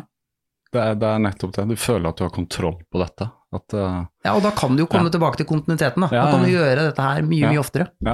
Men de, de du trener, hva har du inntrykk av at de er opptatt av på, på disse intervallene? da? Er det, er det mye tusenmetere? Spør de mye om tusenmeter og sånn der òg, eller er det mer sånn Nei, egentlig ikke, fordi de som uh, er medlem unnskyld, hos oss på løpetrening.no, de følger jo de programmene som jeg har satt opp.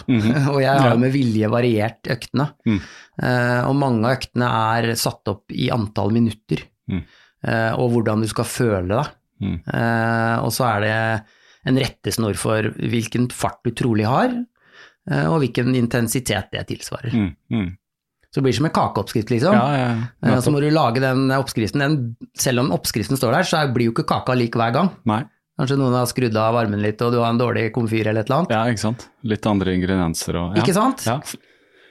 Nei, men greit. Det var eh, det Vi kunne jo sittet og snakka om når vi kommer inn på det her. eh, Men eh, ja, vi, vi vet jo på en måte litt hva som funker, og så er det Det er ikke noe i veien med 1000 meter også. Jeg bare tenker at det er greit at man må liksom ikke være opptatt av akkurat de, den distansen der, tenker jeg. Jeg syns det er gøy å mikse opp. Man kan løpe pyramider òg. Begynne på 800, og så går det til 1200, 1600, 2000 og ned igjen. Og jeg har hatt mye gøy med det òg, faktisk. Så etter hvert så får man jo litt sånn en del økter uh, i banken som man kjenner til, og så kan man teste det litt. Så det viktigste er at det skal være litt gøy, jeg er enig, og at det ikke skal være sånn at du henger, henger på knærne. Da, da vet vi hva Ingrid Kristiansen sier, og, og uh, uh, Ingebrigtsen. Pappa Ingebrigtsen, ja. Men du, uh, når vi har snakka om disse tingene her, så er det kanskje litt naturlig å gå til ultraerfaringene. Hva var det som gjorde at du hadde lyst til å prøve deg på det? Etter å ha løpt noen år? Um, jeg husker faktisk ikke nøyaktig hva det var, men noe av det første jeg ehm, var eh, borti, det var vel Jeg tror det er over ti år siden nå. Mm. Det Vi snakka litt før her, sånn, jeg husker du noterte det på blokka i stad, men, men det var jo Det er en eh, kar innen ultraløpsmiljøet i Norge som heter Einar Syvyn. Mm. Uh, og jeg lurer på om det var han jeg, som tipsa meg med en eller annen link til et eller annet oppskurt løp eh, med mye varme i utlandet, som da het Badwater. Mm. Eh, og da ble jeg nesten bitt der og da. Eh, så det var liksom å, å søke seg opp og, og begynne treninga, liksom. Mm. Ja. Eh, så den ligger nok litt i bakhodet ennå, den, altså. Mm. Så um, At, at ja. Badwater gjennom Death Valley 135 miles Ja. Ja. Det var den du hørte om og tenkte du den har jeg lyst til å løpe? ja, Men du har, ikke, du, har ikke, du har ikke løpt den hele selv i konkurranse? Jeg har ikke deltatt der. Nei. Jeg har um, Jeg vet, jeg at det er en historie om eh, at du har eh, vært crew, men det, det kan vi ta siden. Men jeg vet Hvor begynte Du sa du løp noen 50 km, og så 80 og sånn. Jeg vet du har løpt Oslofjorden rundt. Uh, raskeste Jeg- der den gang, tror jeg. Ja, da vant jeg faktisk Ja, ja. 50 miles. Nei, det er Ja. noen år. Og, nei, det første var vel et sekstimersløp på Jessheim. Jeg lurer på om det var 2012 eller 2013. Ja. Ikke, jeg- ikke Ringerike sekstimers? Nei, faktisk Nei, ikke. Eh, Der Jessheim. skal jeg delta til lørdag, søndag faktisk. Ja, du skal det? Ja, Ja, jeg, jeg, jeg kan jo si det nå, at det skal jeg også. Oh, så kult! jeg har ikke sagt, jeg har ikke turt å si det nå.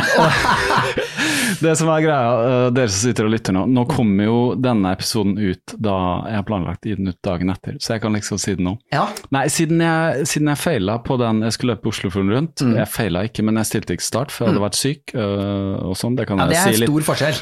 Ja, og det, jeg, det, det kommer jeg til å si noe om på introen, som dere allerede har hørt. Men så snakka jeg med Magnus Toro, han var sånn Ja, jeg skal løpe Ringerike seks timer. Så tenkte jeg ja, da, ja, hvorfor ikke? Eh, og så var det noen plasser, og så tenkte jeg at det er jo litt sånn, da skal jeg ikke fra A til B. Jeg bare løper rundt og rundt, så hvis noe går gærent der, så er man jo samme sted, og det er liksom Kjempekonsept. Terskelen, føles så lav, da.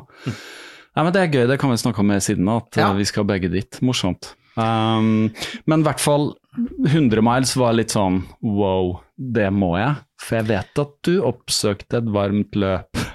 Fortell, hva var din Ja. første 100 miles? Eh, eh, korttidsminnet er eh, Det er noe skit når du begynner å bli gammel. Ja, ja, nei, jeg bare, du skjønner, jeg, jeg har nettopp lest om, eh, du, som du skrev om 100 miles, du var i Miami eller Key, Key Absolutt, Florida men eller det eller var vel Det var strengt ikke- tatt det andre. Jeg Det tror det andre. eh, da jeg vant 50 miles på Oslofjorden rundt, Mm. året før det så var jeg påmeldt 100 miles, Ja, men løp bare 50. ah, ok. Det På Oslofjorden rundt, eller? Ja. Eh, Løp ja. Og så, Og så var det 2015 Jeg vel egentlig sånn Hadde lyst til å legge en, en langsiktig plan for Badwater. Mm. Og så må man jo kvalifisere seg dit. Og Mhm. så må man trekkes ut. Mm. Og så må du betale mye penger. Ja, så må du ha med deg crew osv. Men Ja. så eh, 2015, eh, men hadde rett og slett ikke økonomi nok til å dra i 2016, Mm. så da ble det 2017. Mm. Eh, Så da hadde jeg et år der jeg trente mot uh, dette løpet som går nederst i Miami på noe som heter Key Largo, Mm. uh, ned til Key West. eh, Der du løper på betong i pluss-minus 40 grader. Mm.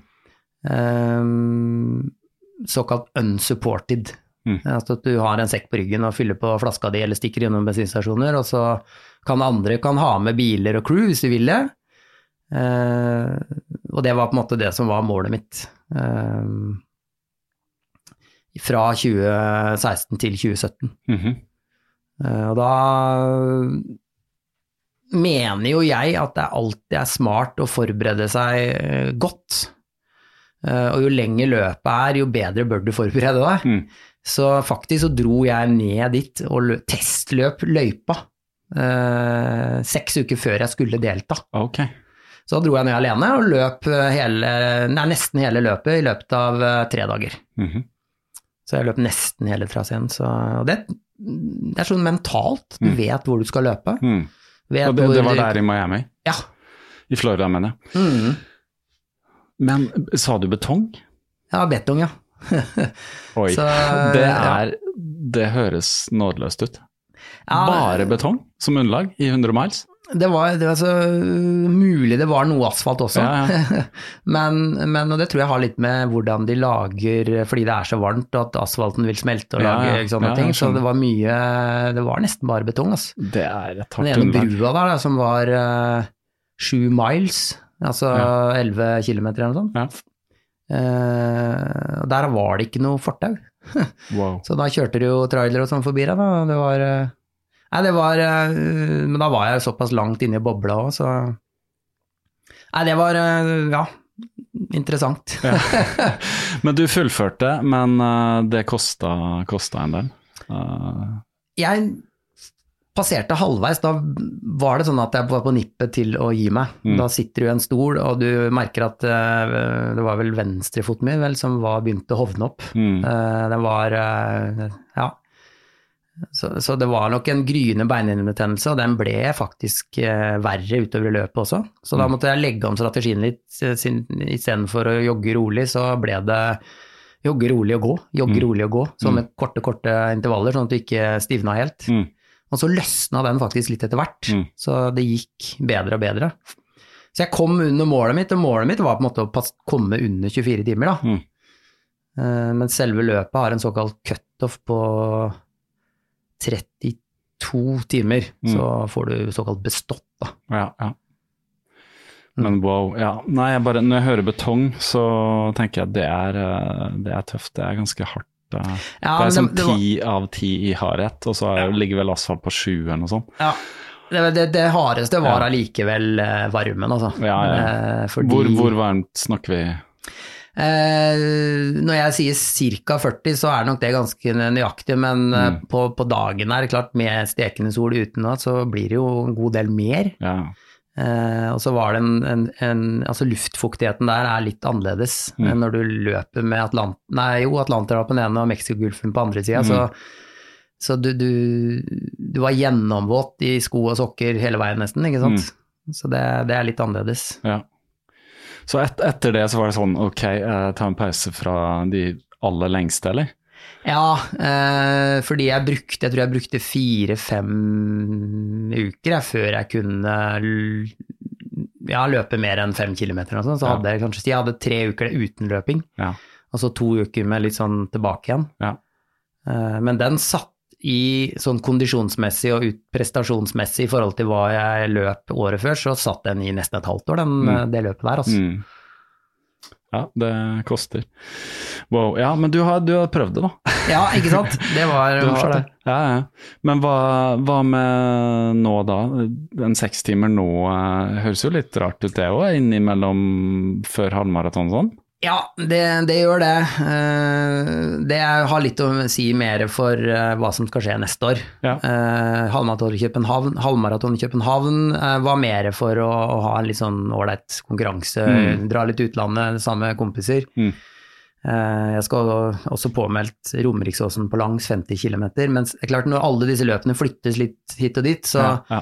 Så er jeg også, i hvert fall eh, i eget hode, eh, et veldig sånn forsiktig forhold til dette med at eh, det er ikke noe krise å ikke stille, hvis Nei. det skulle vise seg at det er smart. Nei, ikke sant. Ja. Så um, Nei, jeg trener nå trener altså 2022 for meg handler om 100 miles. Igjen, ja. Mm. Ok. Hvilket uh, løp blir det? Det vet jeg ikke ennå, rett og Nei, slett. Eh, Det kan enten være et av de løpene som går i, i området sør for London. Mm -hmm. uh, Northways Downs, eh, Southway Downs, altså disse Mm. 100-milsløpene her. Mhm. Eh, Men det kan også være andre løp. Mm.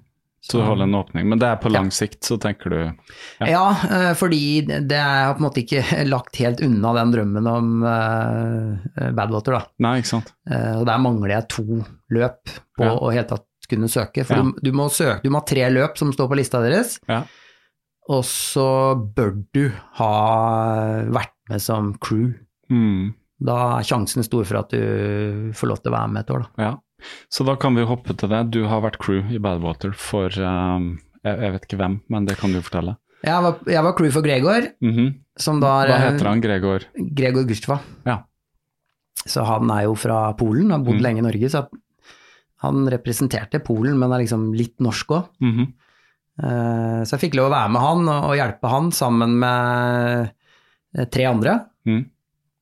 Så eh, Er det, er det en, et krav der om crew? Hvor mange og i man den offisielle konkurransen Badwater ja. 135, så får du ikke lov å være med hvis du ikke har crew. mm.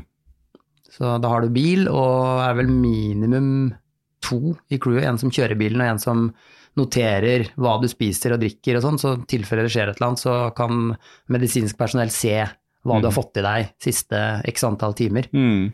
Så de kan behandle deg riktig. For dette er ikke noe løp for pyser. Nei, det Jeg husker jeg var, når jeg var jeg, jeg tok jo telling eh, når jeg var crew. Ja. Eh, Så fikk et heteslag da, Ja. underveis der. Eh, Hvor det var- varmt er det i dette? Nei, da var det 54 grader. Eh, 54, altså. 54, ja. Målt i skyggen. Mm. Wow, ok. Ja, vi har jo hørt historier fra området i USA i år hvor det var eh, kanskje enda varmere. Det har vært noen rekorder. Mm. Steking av egg på Nei, parkeringsplassen. er, og, ja. Husker da vi småjogga gikk litt om hverandre på natta der, eh, på dag to. Føltes utrolig behagelig å kjøre, så fikk du høre at det var 37 grader. Da Ja. setter det ting i perspektiv. Da er det akklimatisert. Ja. Så, og crew for han, det var rett og slett å bare løp, løp til med han, satt du i en bil, eller hva? Jeg, skjønte jo sånn at man løper med, og så eh, Ja, jeg kan jo kjapt ta det hvordan det fungerer. Du Mm. får ikke lov å øh, hva skal vi si, løpe sammen med vedkommende før det har gått uh, vel 40 miles, tror jeg. 40 okay. eller 50 miles. Mm. Uh, men du har lov til å stoppe hvor ofte du vil, Mm. og gi drikke, næring, sprøyte på vann, bytte is i sekken osv. Så, mm, så um, Og så er det cutoffer da underveis, så jeg lurer på om det er eh, 11 timer jeg, på 50 miles. Mm. 11 eller 12 timer. Eh, Så har du ikke klart det, så får du ikke gå videre. Nei. Eh, Og så er det en bil. Altså, vi, det vi gjorde, var å stoppe hver cirka hver eh, Ja, var vel to miles, tror jeg. Mm. Så det er liksom hver tredje kilometer gjennom hele løpet i Han løper på 44 timer. Ja. Og da bytter du På det verste så var det sånn at da hadde han løpt i 20 minutter eller noe sånt. Nei, skal vi se, tre, ja, rundt det. Mm. 25 minutter. Og da hadde han fått en flaske med vann med isbiter, litt vann i og masse isbiter. Og det samme med sportsdrikke. Mm. Og hvis han ikke hadde drikket opp det når det har gått 20 minutter, så Mm. kunne han nesten ikke holde det for det var så varmt. Oh, herregud. Ja, ikke sant. På dagtid, da, vel å merke. Ja, ja, ja. Wow. Ja, det er vilt. Men uh, hvor, hvordan takla han da? Nei, han, eh, han var beintøff. Ja. Han var helt sjukt tøff. Så den mentale hodet til Gregor er uh, ute av en annen verden. Mm, for det er det det handler om. Altså, du, du, jeg kan ikke skjønne ja, Man sier jo litt på spissen og sier at eh, ultra er 90% mentalt, og resten sitter i huet. Ja, ja. Men uh, han har uh, Ja. ja. Han snakka, snakka på norsk og engelsk og polsk og huska ingenting etterpå. Ja. Nei, han må jo ha vært Du holder deg våken hele tiden nå? ja. Løper dag og natt, det går i ett strekk. Mm.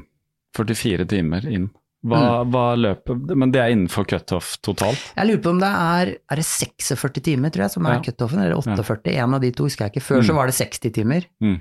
Men det er tighta inn, for det har noe med tillatelser i hvor lenge du kan være i parken, eh, denne nasjonalparken. Ja, ja, ja. Så det er noen ranger der og noen søknader og greier. Så. Mm. Hva, hva, hva er vinnertidene på det her, da? Jeg lurer på om løyperekorden er på rundt 22. Mm. Da, da han løp, så tror jeg vinnertida var på 24. Ja. Uh, Det er jo helt hinsides. jeg lurer på, ja. Mm. Uh, Top of mind, så husker jeg ikke hvem som har løyperekorden, men jeg vet at han eh, Pete Kostelnik, som løp uh, USA på tvers og kryss videre, Mm. har vel løpt, løpt enten raskest eller nest raskest på Mm. rundt 22 timer. Ja, det er vilt.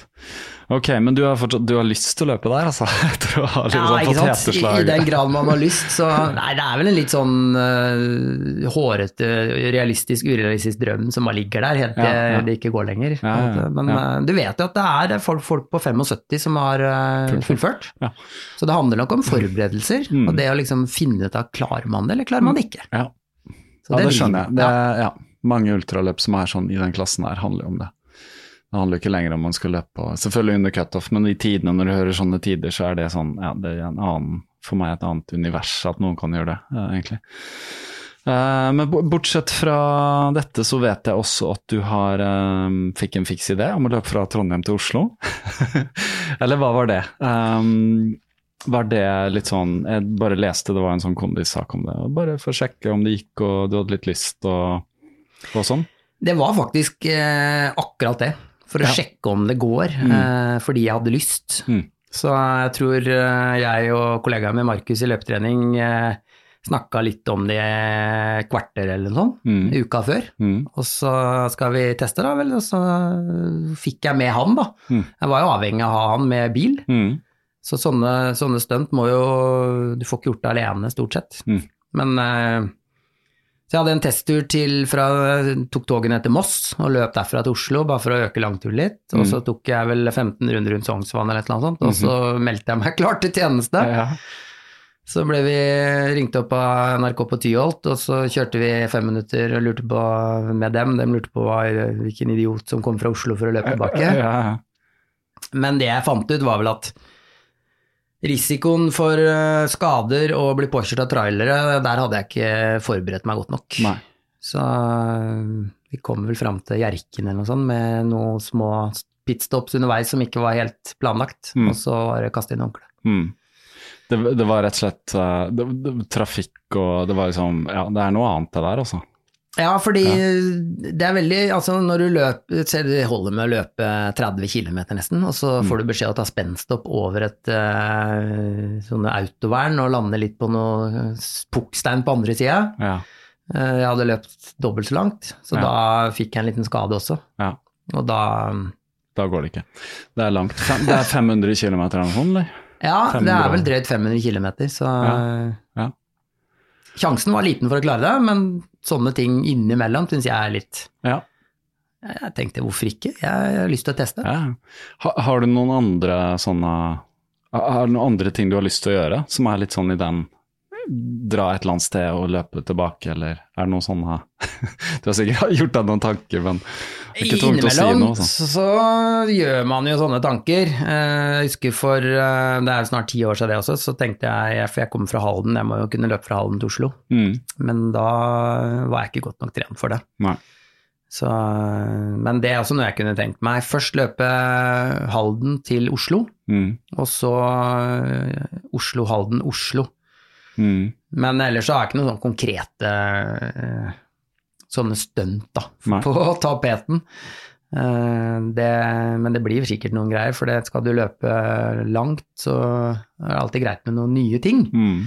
Så ikke det blir eh, Frognerkilen på alle langturene. Ja, det er jeg hadde en langtur på 50 km i Frognerkilen i vinter. Det, Fram Det og tilbake, liksom? ja, da løper jeg ut til eh, hva heter det, Ingerstrand. Ja. og tilbake, og ut til Skøyen og inn til Oslo og noen runder rundt her. Mm, Og mm.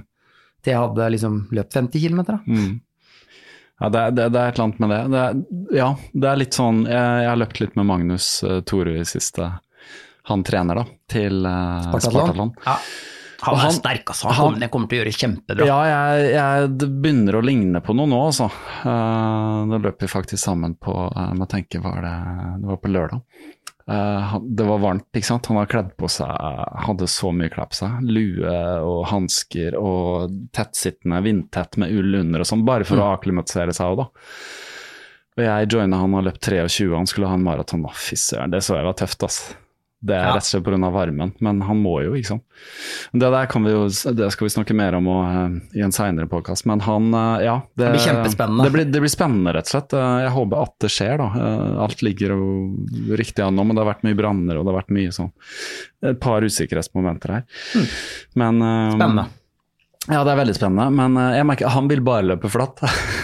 Ikke sant? Så jeg har vært litt sånn «Ah, Kan vi ikke løpe opp til, opp til Ekeberg, og vi tar den og Nei, åh, oppoverbakker, og han er ikke glad i det, da. Men jeg sa, du må jo trene litt oppover, fordi i Spartalon så er det én Du skal over én sånn eh, der, da. Så jeg sa ja, ja, det greit, jeg. Så. Men, eh, men det er det der, å løpe flatt. Jeg prøver å Det er det, bor i, midt i byen, finne noen ruter og sånn. Det er på den tiden man har. Det er ikke alltid like lett, det, altså. Nei, der pleier jeg Jeg har i hvert fall tre faste ruter. Mm. Sånn at eh, det kan godt hende det blir de tre i tre uker, men det er liksom det er i hvert fall tre forskjellige, ikke sant. ja, ja. Så det, Ja. finn deg noen ruter og test ut noe nytt. Ja, ja. Nei, jeg, jeg liker Jeg kan løpe de samme. Hvis jeg har en god podkast sånn, så kan jeg liksom fortape meg litt i det. Så er det jo alltid liksom forskjellig vær og forskjellige følelser og forskjellig det ene og andre, så Men øh, nå har jo Ja, vi har for så vidt holdt på en stund, men øh, jeg har ikke Jeg har ikke spurt deg så mye om ehm, eh, løpetrening uh, som du driver. Hvordan Mm. funker det? Er det er det sånn online-basert, eller? At, du, uh, at man hyrer deg inn på en måte som en uh, Er, det Jeg kan ta nivåer? kortversjonen, Ja. egentlig, fordi uh, For det er jo interessant for så vidt, for mange er jo litt sånn Hvis ikke du har så veldig mye tid til å liksom lete i programmer og lese og sånn, så kan det være greit. Det er vel kanskje derfor folk kommer til deg. De trenger noen som vet en del. Men de trenger ikke så veldig mye oppfølging, men litt sånn over tid, eller hvordan er det? Forskjellige nivåer Nei, det, sånn? det fungerer veldig kort fortalt at vi har planen, oppskriften, Mm, og så ser folk bare én og én uke frem i tid, sånn at de eh, jobber nesten mer med rutiner og vaner, som de Mm. ikke trener for hardt. mhm, Og så eh, kommer egentlig sånn at kroppen tar til seg denne ganske rolige treninga, og så har vi én økt i uka der vi tar i litt. mm, Men det startet jo mer sånn om at eh, broren min, jeg har Mhm. mast på han i mange år, nå må du begynne å trene, gutt. Mm. Og så sa jeg at nå har jeg meldt deg på skimila ute i Ski, 10 km. Mm. Nå er det 14 uker til løpet går. Her har du treningsprogrammet. Så sa han greit, etter å ha mast på ham i mange år, ikke sant. Og så sa jeg hvis det er noe, send meg en melding eller mail, eller i verste fall så kan du også ringe meg. Vi har hver familie på hvert vårt hold, så det er ikke alltid vi ses så ofte. Mm. Og han, eh, greit, så han starta samme dag. Og da klarte han ikke å løpe mer enn 2,5 km, så kom middagen opp. Ja. Så, så han var ikke så veldig godt trent da. Eh, tidligere fotballspiller, har vært kjempegod, skåra masse mål. Men løping, det tar litt tid. Mm. Men, så det jeg la jo opp da en plan i forhold til det nivået han hadde når han begynte. Så han tok jo da øktene ganske kjapt etter hvert. Mm. Ringte og maste, skal jeg ikke løpe fortere? Nei, hold deg der. Mm. Og fjor, i løpet av 14 uker så ble han sakte, men sikkert bedre. Mm. Og så gikk det opp et lys for han når han da møtte opp på, i skimi- skimila på, for å løpe skiløpet 10 km, så så han masse folk med ballonger. Da. Eh, så sa jeg ta og legg deg bak et svært 60-tall. Det bør du klare. Mm. Så fikk han en jevn, jevn reise Mm. gjennom det løpet, og, og fant ut underveis at dette her, dette er jo det jeg har trent på. Han, Mm. han, han, intensiteten var såpass jevn da, i forhold til det han hadde trent, Mm. så da traff han. Mm. Så da fant vi, han og jeg, ut i etterkant da, dette her kan jo flere dra nytte av. mhm, Liten sånn uh, SMS- eller mailrunde, og liksom, de er litt usikre på det og det, men at oppskriften ligger der. mm. Ikke sant? Og da får du på en måte en jevn reise da, i forhold til det nivået du har, om du vil under 40 på mila, eller kanskje aldri har løpt 10 km før. Mm. Ja, da kanskje du skal begynne med 5 km, da. Mm. Kanskje begynne 45 minutter. Mm. Uh, Og det er mange som har sendt oss mail og sagt at jeg løper bare etter det er mørkt. jeg. Mm. Jeg tør ikke, jeg syns det er flaut. Eh, og de er det kult, kult å snakke med. Det er nesten ja. mye bedre å snakke med dem, men, Ja. så, jeg, så det er veldig få hos oss som på en måte skal under 1,15 på halv og, og Ja, sånn, ja, eller under 2,30 på maraton. Mm. De, de, de har sine coacher og veiledere. Mm. Eh, Og såpass sikkert med ressurser til å finne ut mye sjøl ja. Ja, ja. Og så deler vi inn programmene våre i fire faser. Tilvenning, forsiktig tilvenning i starten. Mm. Så bygger vi mengden, Mm. og så bygger vi tempo, Mm. Og så topper vi formen. Mm. Det er veldig kort fortalt. Ja, ja. Nei, men bra. Det er jo Ikke sant, så mange som hører på her, kjenner jo alltid noen For at folk som, jeg vet folk som hører på podkasten her, løper gjerne mye og er veldig opptatt av det. Så det er jo gjerne sånn at alle som løper, kjenner noen som ikke løper, eller har en i familien sånn, så blir man jo litt sånn Alle vet jo at man har lyst til at andre skal oppleve samme som seg. Ja. Blir litt sånn evangelisk, og så er det litt sånn forskjellig. Noen sier nei, det kan man ikke, og kan ikke pushe på andre og sånn, men det kan man vet jo på en måte at det er mye å hente, da. Og så kan det være litt sånn at folk har litt lyst, men så er de litt flaue. For det er jo litt sånn derre Ja, kanskje du er litt overvektig og syns det er flaut å gå ut og, og puste og pese, og så kommer det en eller annen lett fyr forbi og liksom bare eh, uanstrengt. Skjønner jo det godt. Jeg tenker alltid når jeg ser folk som løper sakte, og jeg ser at de er ute og løper, så, så er det sånn jeg får lyst til å applaudere, for jeg syns det er så kult at folk gjør det. Selv om de ikke ser ut som en løper eller ikke går fort eller noen ting. Mm. Poenget er jo å gjøre det, men det er nok litt sånn stigma, da. Så da, så da kan det være sikkert være greit å ha at du har en veileder, da. Fordi man blir jo veldig usikker på å gjøre dette riktig og ikke sant. Jeg pleier å si at um, eh, de aller beste løperne, de har ofte en trener, en coach. Mm. Uh, så når du er nybegynner, eller uh, er litt usikker, eller har testa mye forskjellig, så kanskje ikke det er så dumt da, med, med noen som kommer med litt innspill, eller, Mm. eller ikke minst forklare hvorfor du skal gjøre som du gjør. Mm. Eh, og så kan man få litt eh, veiledning og innspill, og så kanskje du kan kjøre på alene etter det igjen. Mm.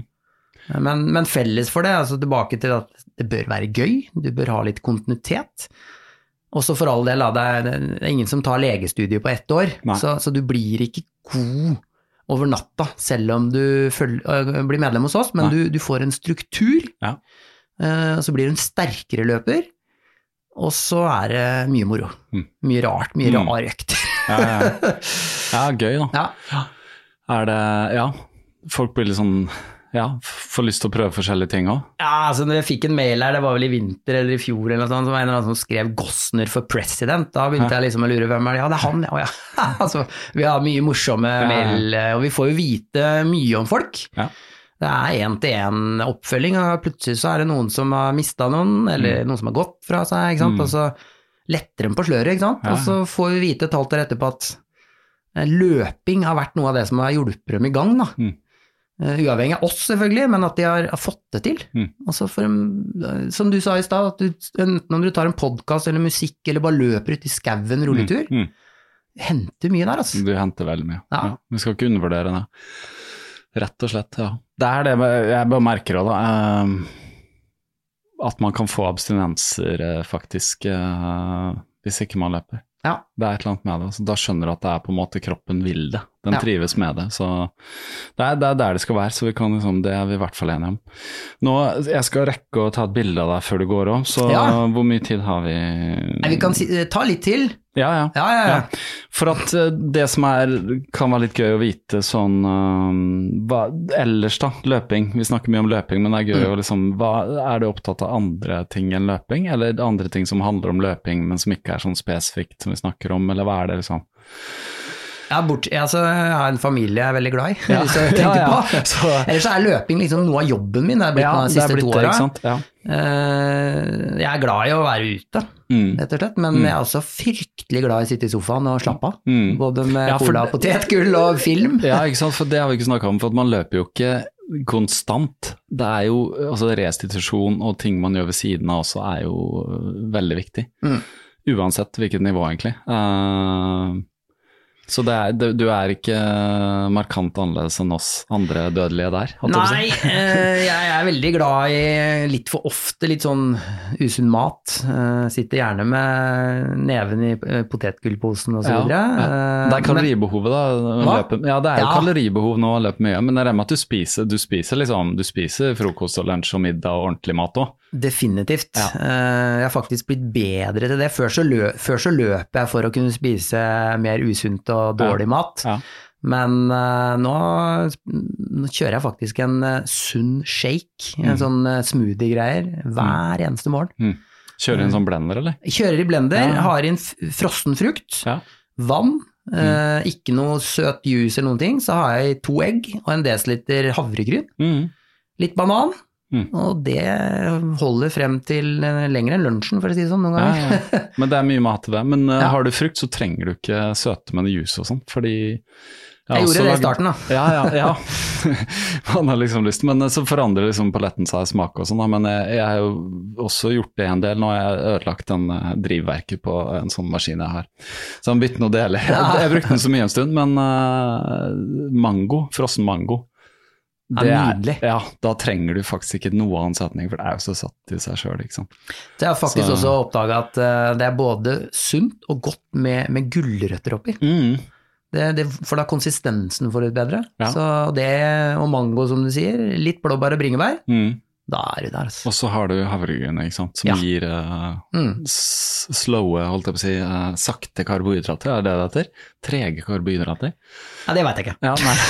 nei, men i hvert fall de komplekse karbohydratene som ikke er liksom raffinert sukker, da. Altså det er sukker, men det er det som går inn i kroppen og brytes ned og går sakte ut i løpet av dagen. Det er derfor liksom havregryn til frokost, da blir jeg også Ja. Eller havregrøt, da blir jeg mett til lunsj. Altså det holder, det merker jeg, det er viktig, altså. Ja. Eller grovt brød, for så vidt. Men uh, selvfølgelig, altså. Jeg jo spiser jo chips og sjokolade og drikker både vin og øl og alt mulig. Men det er liksom det, det går jo, men det er liksom hva du gjør det meste av tiden som er det viktige. Så, og Samme som med trening, spise jevnt, spise sunt. Men det, jeg merker jo sånn som Vi er ganske, vi er jo ikke store, noen av oss. Så det er et eller annet med forbrenning òg. Noen har jo høyere forbrenning enn andre, så folk er veldig forskjellige der, ser jeg.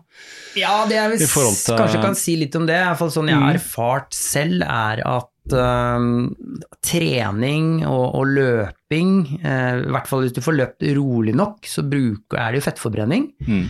Men uh, noen fortalte meg, og det er jeg for så vidt enig i, det er på en måte at skal du gå ned kilo, så er det kostholdet. Mm. Skal du gå ned gram, så er det trening. Mm. Men begge deler er det beste. At du Mm. gjør litt av begge deler. Mm. Litt bedre kosthold, men eh, da er det ikke så viktig på nødvendigvis at alt skal være sunt. Bare du gjør litt til hvert måltid, Ja. og ikke spiser mer enn Nå er du mett, ja da stopper du. Ja. Uh, og på trening er det litt sånn uh, ikke tren for hardt, Mm. tren heller ofte. Mm. Nei, det er et godt, godt tips.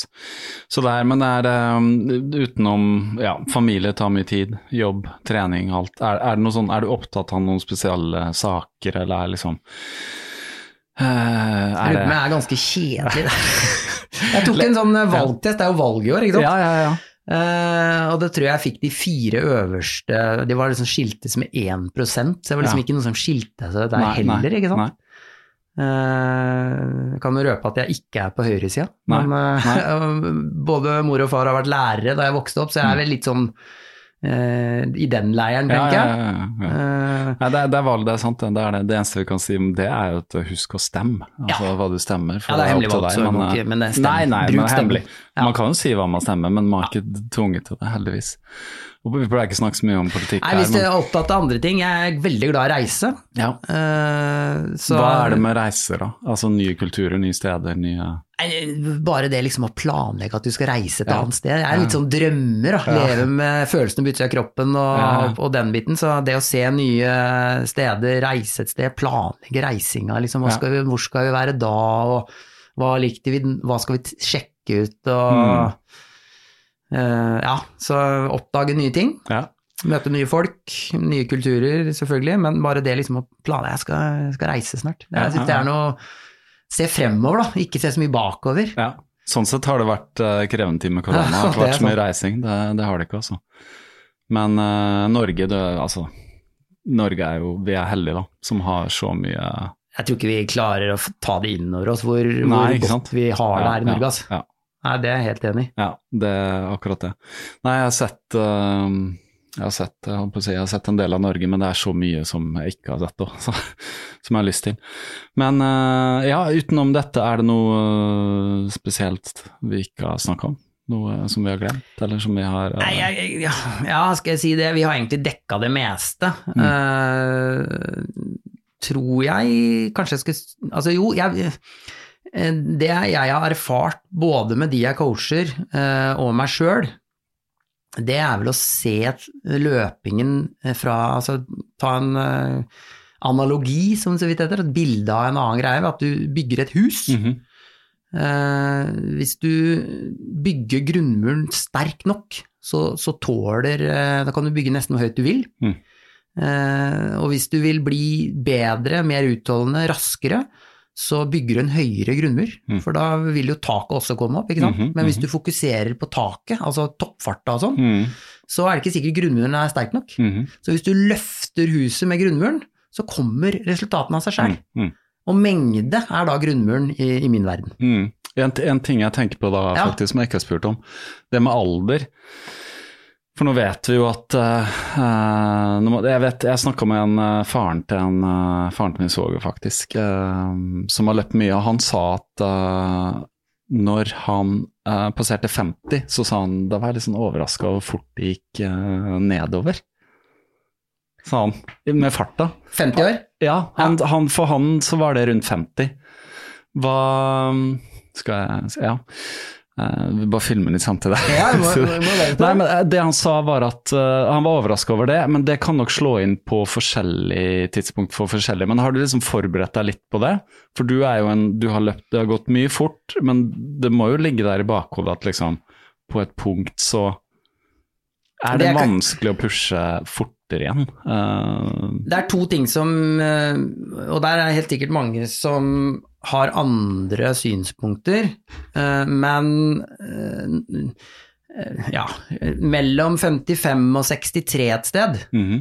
så, så begynner det å bli litt vanskeligere å få fremgang, Mm. sånn på generelt grunnland. Mm Eh, Men det er jo sånn at det fins de som knekker den koden nå. Eh, Det er noen som har løpt Jeg lurer på om eh, det var en fyr i Canada som døde nå i fjor, dessverre, men han var vel nesten 80. Mm. Eh, Og da han var 74, tror jeg, så løp han 2,54 på maraton.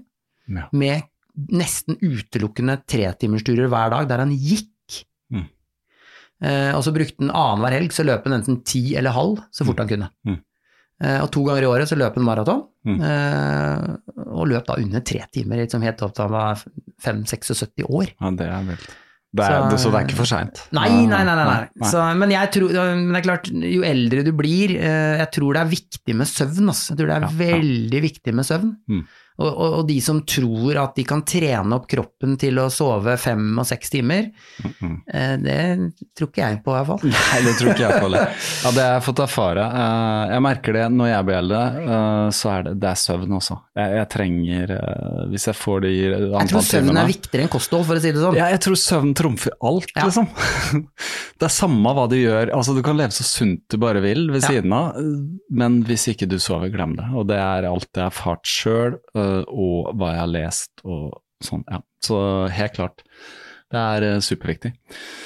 Nei, men, men vi, vi setter et punktum der, for at uh, du skal snart gå, og Ja. jeg må ta bilde av deg. Og jeg har ikke mulighet til å ta bilde med lamper, så vi må ut bak her. Ja. Um, så vi må ta et kvarter på det. Ja, men det er bra, vi har dekket det Vi, meste vi har dekket altså. masse også, og vi har snakka før òg. Um, så, og, og de som har flere spørsmål, vet hvor de finner deg på løpetrening og Andreas Gossene på Instagram. Jeg kan linke til de.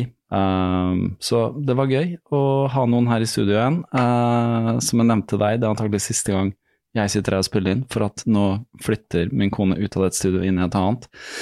Så da må jeg et annet sted òg. Um, men eh, vi ses kanskje til uka eh, på søndag, håper det. Og eh, lykke til på halvmaraton i Kjøben. Det blir gøy. Tusen takk. Ja. Tusen takk for praten. Takk skal du ha. Det var Andreas Gossner. For uh, litt sånn info og lenker og sånn, så må dere bare se i podkastnotatene. Der hvor du hører podkast, så finner du litt lenker til uh, saker og ting som handler om uh, Andreas um, og annet nevnt, hvis ikke jeg glemmer det. Um, som jeg nevnte, det var siste intervju i dette studioet jeg sitter her nå. Uh, jeg sitter her nå uh, og spiller inn uh, det, det, siste jeg gjør, fordi nå flyttes det i månedsskiftet. Min kone Tala har et annet oppusset studio som hun flytter tilbake til. Um, og der tror jeg ikke det er rom for å spille inn podkast. Det er litt mindre, det er ikke et samme type studio. Så jeg må rett og slett se meg etter uh, om etter noe annet. Uh, så en, en æra er over. Det er jo fint det, å flytte litt på seg og sånn, men uh, det er en utfordring, da. Fordi jeg har jo selvfølgelig ikke måttet betale noe leie her, jeg har lånt det, rett og slett. Så hvis jeg skal ut og, og finne et studio og leie det, eller betale fra gang til gang og sånn, så øker utgiftene på bakkassen, og da trenger jeg hjelp. Og det jeg trenger hjelp til da, det er uh, Patrion, uh, fordi at Patrion er en mulighet for de som lytter til podkasten, å støtte den med et symbolsbeløp. Så um, hvis dere ønsker podkasten et langt liv, så håper jeg dere er villige til å støtte podkasten på Patreon. Det betaler utgifter, uh, og det inspirerer meg til å lage podkast, fordi da vet jeg at det er noen der ute som vil ha den.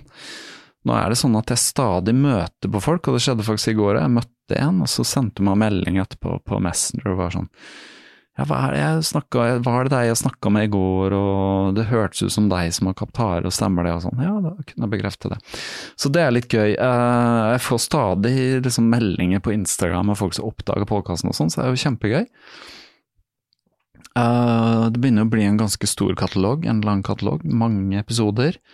Uh, det vil jo ikke vare evig, for hvis podkasten legger ned, så forsvinner alle episodene. For det er jo en server som jeg også betaler for å bruke der hvor podkasten ligger. Men jeg håper den får et langt liv. Jeg har mange planer for podkasten. Uh, det krever mye tid og arbeid og research og sånne ting, som de gjør med alt arbeid som, er, som blir bra. Det tar bare tid og fokus. Så Patrions trenger jeg, dere finner lenke, hvis ikke så er det patrion.com skråstrek Kaptarepodkast. Um, det husker dere. Og da Eller kan vippse meg på 95786640. Det er altså telefonnummeret mitt. Uh, det er også lov. Det er kanskje uh, en måte å gjøre det på også. En sånn engangssak. Um, så må jeg bare si takk til alle patrions som fortsatt støtter meg og har støttet meg, det er uh, viktig. Jeg har hatt litt dårlig samvittighet for at jeg ikke har klart å lage like mye podkast i år, men jeg har faktisk lagd podkastepisoder som jeg bare legger på Patrion. Uh, det er ikke så mange som driver Patrion som bare gjør altså som gjør både podkast gratis, åpen, og der, men det prøver jeg å gjøre innimellom. Så det ligger en, et dusin opptak, episoder der, for dere som ikke er uh, patrons. Så Takk også til Magnus som har uh, vært litt sånn ultracoach for meg. Uh, og lykke til på veien mot Spartatlon, Magnus. Jeg vet du tenker mye på det, for vi snakker litt sammen. Så uh, det blir gøy uh, å se hvordan det går, og ellers er det jo bare Jeg kan si det har vært et veldig inspirerende år med, med mange som har gjort mye. Simen Holvik som har løpt Norge på langs, rett og slett vanvittig imponerende. Uh, Thomas Stordalen, som driver og løper uh, eh, 30 maraton på rad med fokus på psykisk helse. Veldig bra. Uh, nordmenn som har tatt OL-gull i løping. helt fantastisk. Grenser flyttes stadig, hva vi er i stand til å gjøre. Fantastisk inspirerende, og så håper jeg det at nå, når det er valg om uh, knappe halvannen uke, så Eller unnskyld meg, det er vel to uker. Så stemmes det. Uh, det er viktig. Demokrati. Jeg føler at vi bor i Norge, vi har det helt fantastisk her. dere forstår hvor bra vi har det. Det er ganske røft der ute for tiden, uh, utenfor våre grenser. Ja, vi må bare gjøre det vi kan her og nå for å gjøre den lille verden bedre. Kommer mer tilbake til det. Jeg har lyst til å lage en podkast som uh, ekspanderer dette universet og ja, ta, ta og omfatte mer ting enn bare løping. Og hvis jeg skal kunne jobbe videre med det, så uh, må jeg dedikere meg selv, og det er jeg villig til å gjøre. Men det er mange prosjekter jeg har lyst til å gjøre. Så det kommer nye episoder. Jeg skal få ut uh, litt mer jevnt enn jeg har gjort det siste året. Det har vært uh, litt sånn unntakstilstand. ikke bare for verden, men for meg personlig òg. Sånn er det. Det er et soloprosjekt, det her. så ja. Nå hører dere tonene som kommer her nå, det er Sondre Lerche som har lagd musikken til podkasten. Tusen takk, Sondre. Vi snakkes. Ha det godt, løp vel, og lev og spis godt.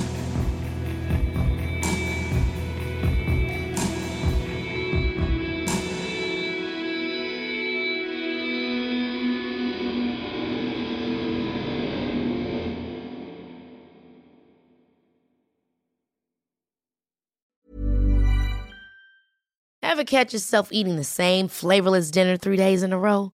Dreaming of something better? Well, HelloFresh is your guilt-free dream come true, baby. It's me, Kiki Palmer. Let's wake up those taste buds with hot, juicy pecan-crusted chicken or garlic butter shrimp scampi. Mm. Hello Fresh. Stop dreaming of all the delicious possibilities and dig in at HelloFresh.com. Let's get this dinner party started. Planning for your next trip? Elevate your travel style with Quince. Quince has all the jet setting essentials you'll want for your next getaway, like European linen, premium luggage options, buttery soft Italian leather bags, and so much more. And is all priced at 50 to 80% less than similar brands.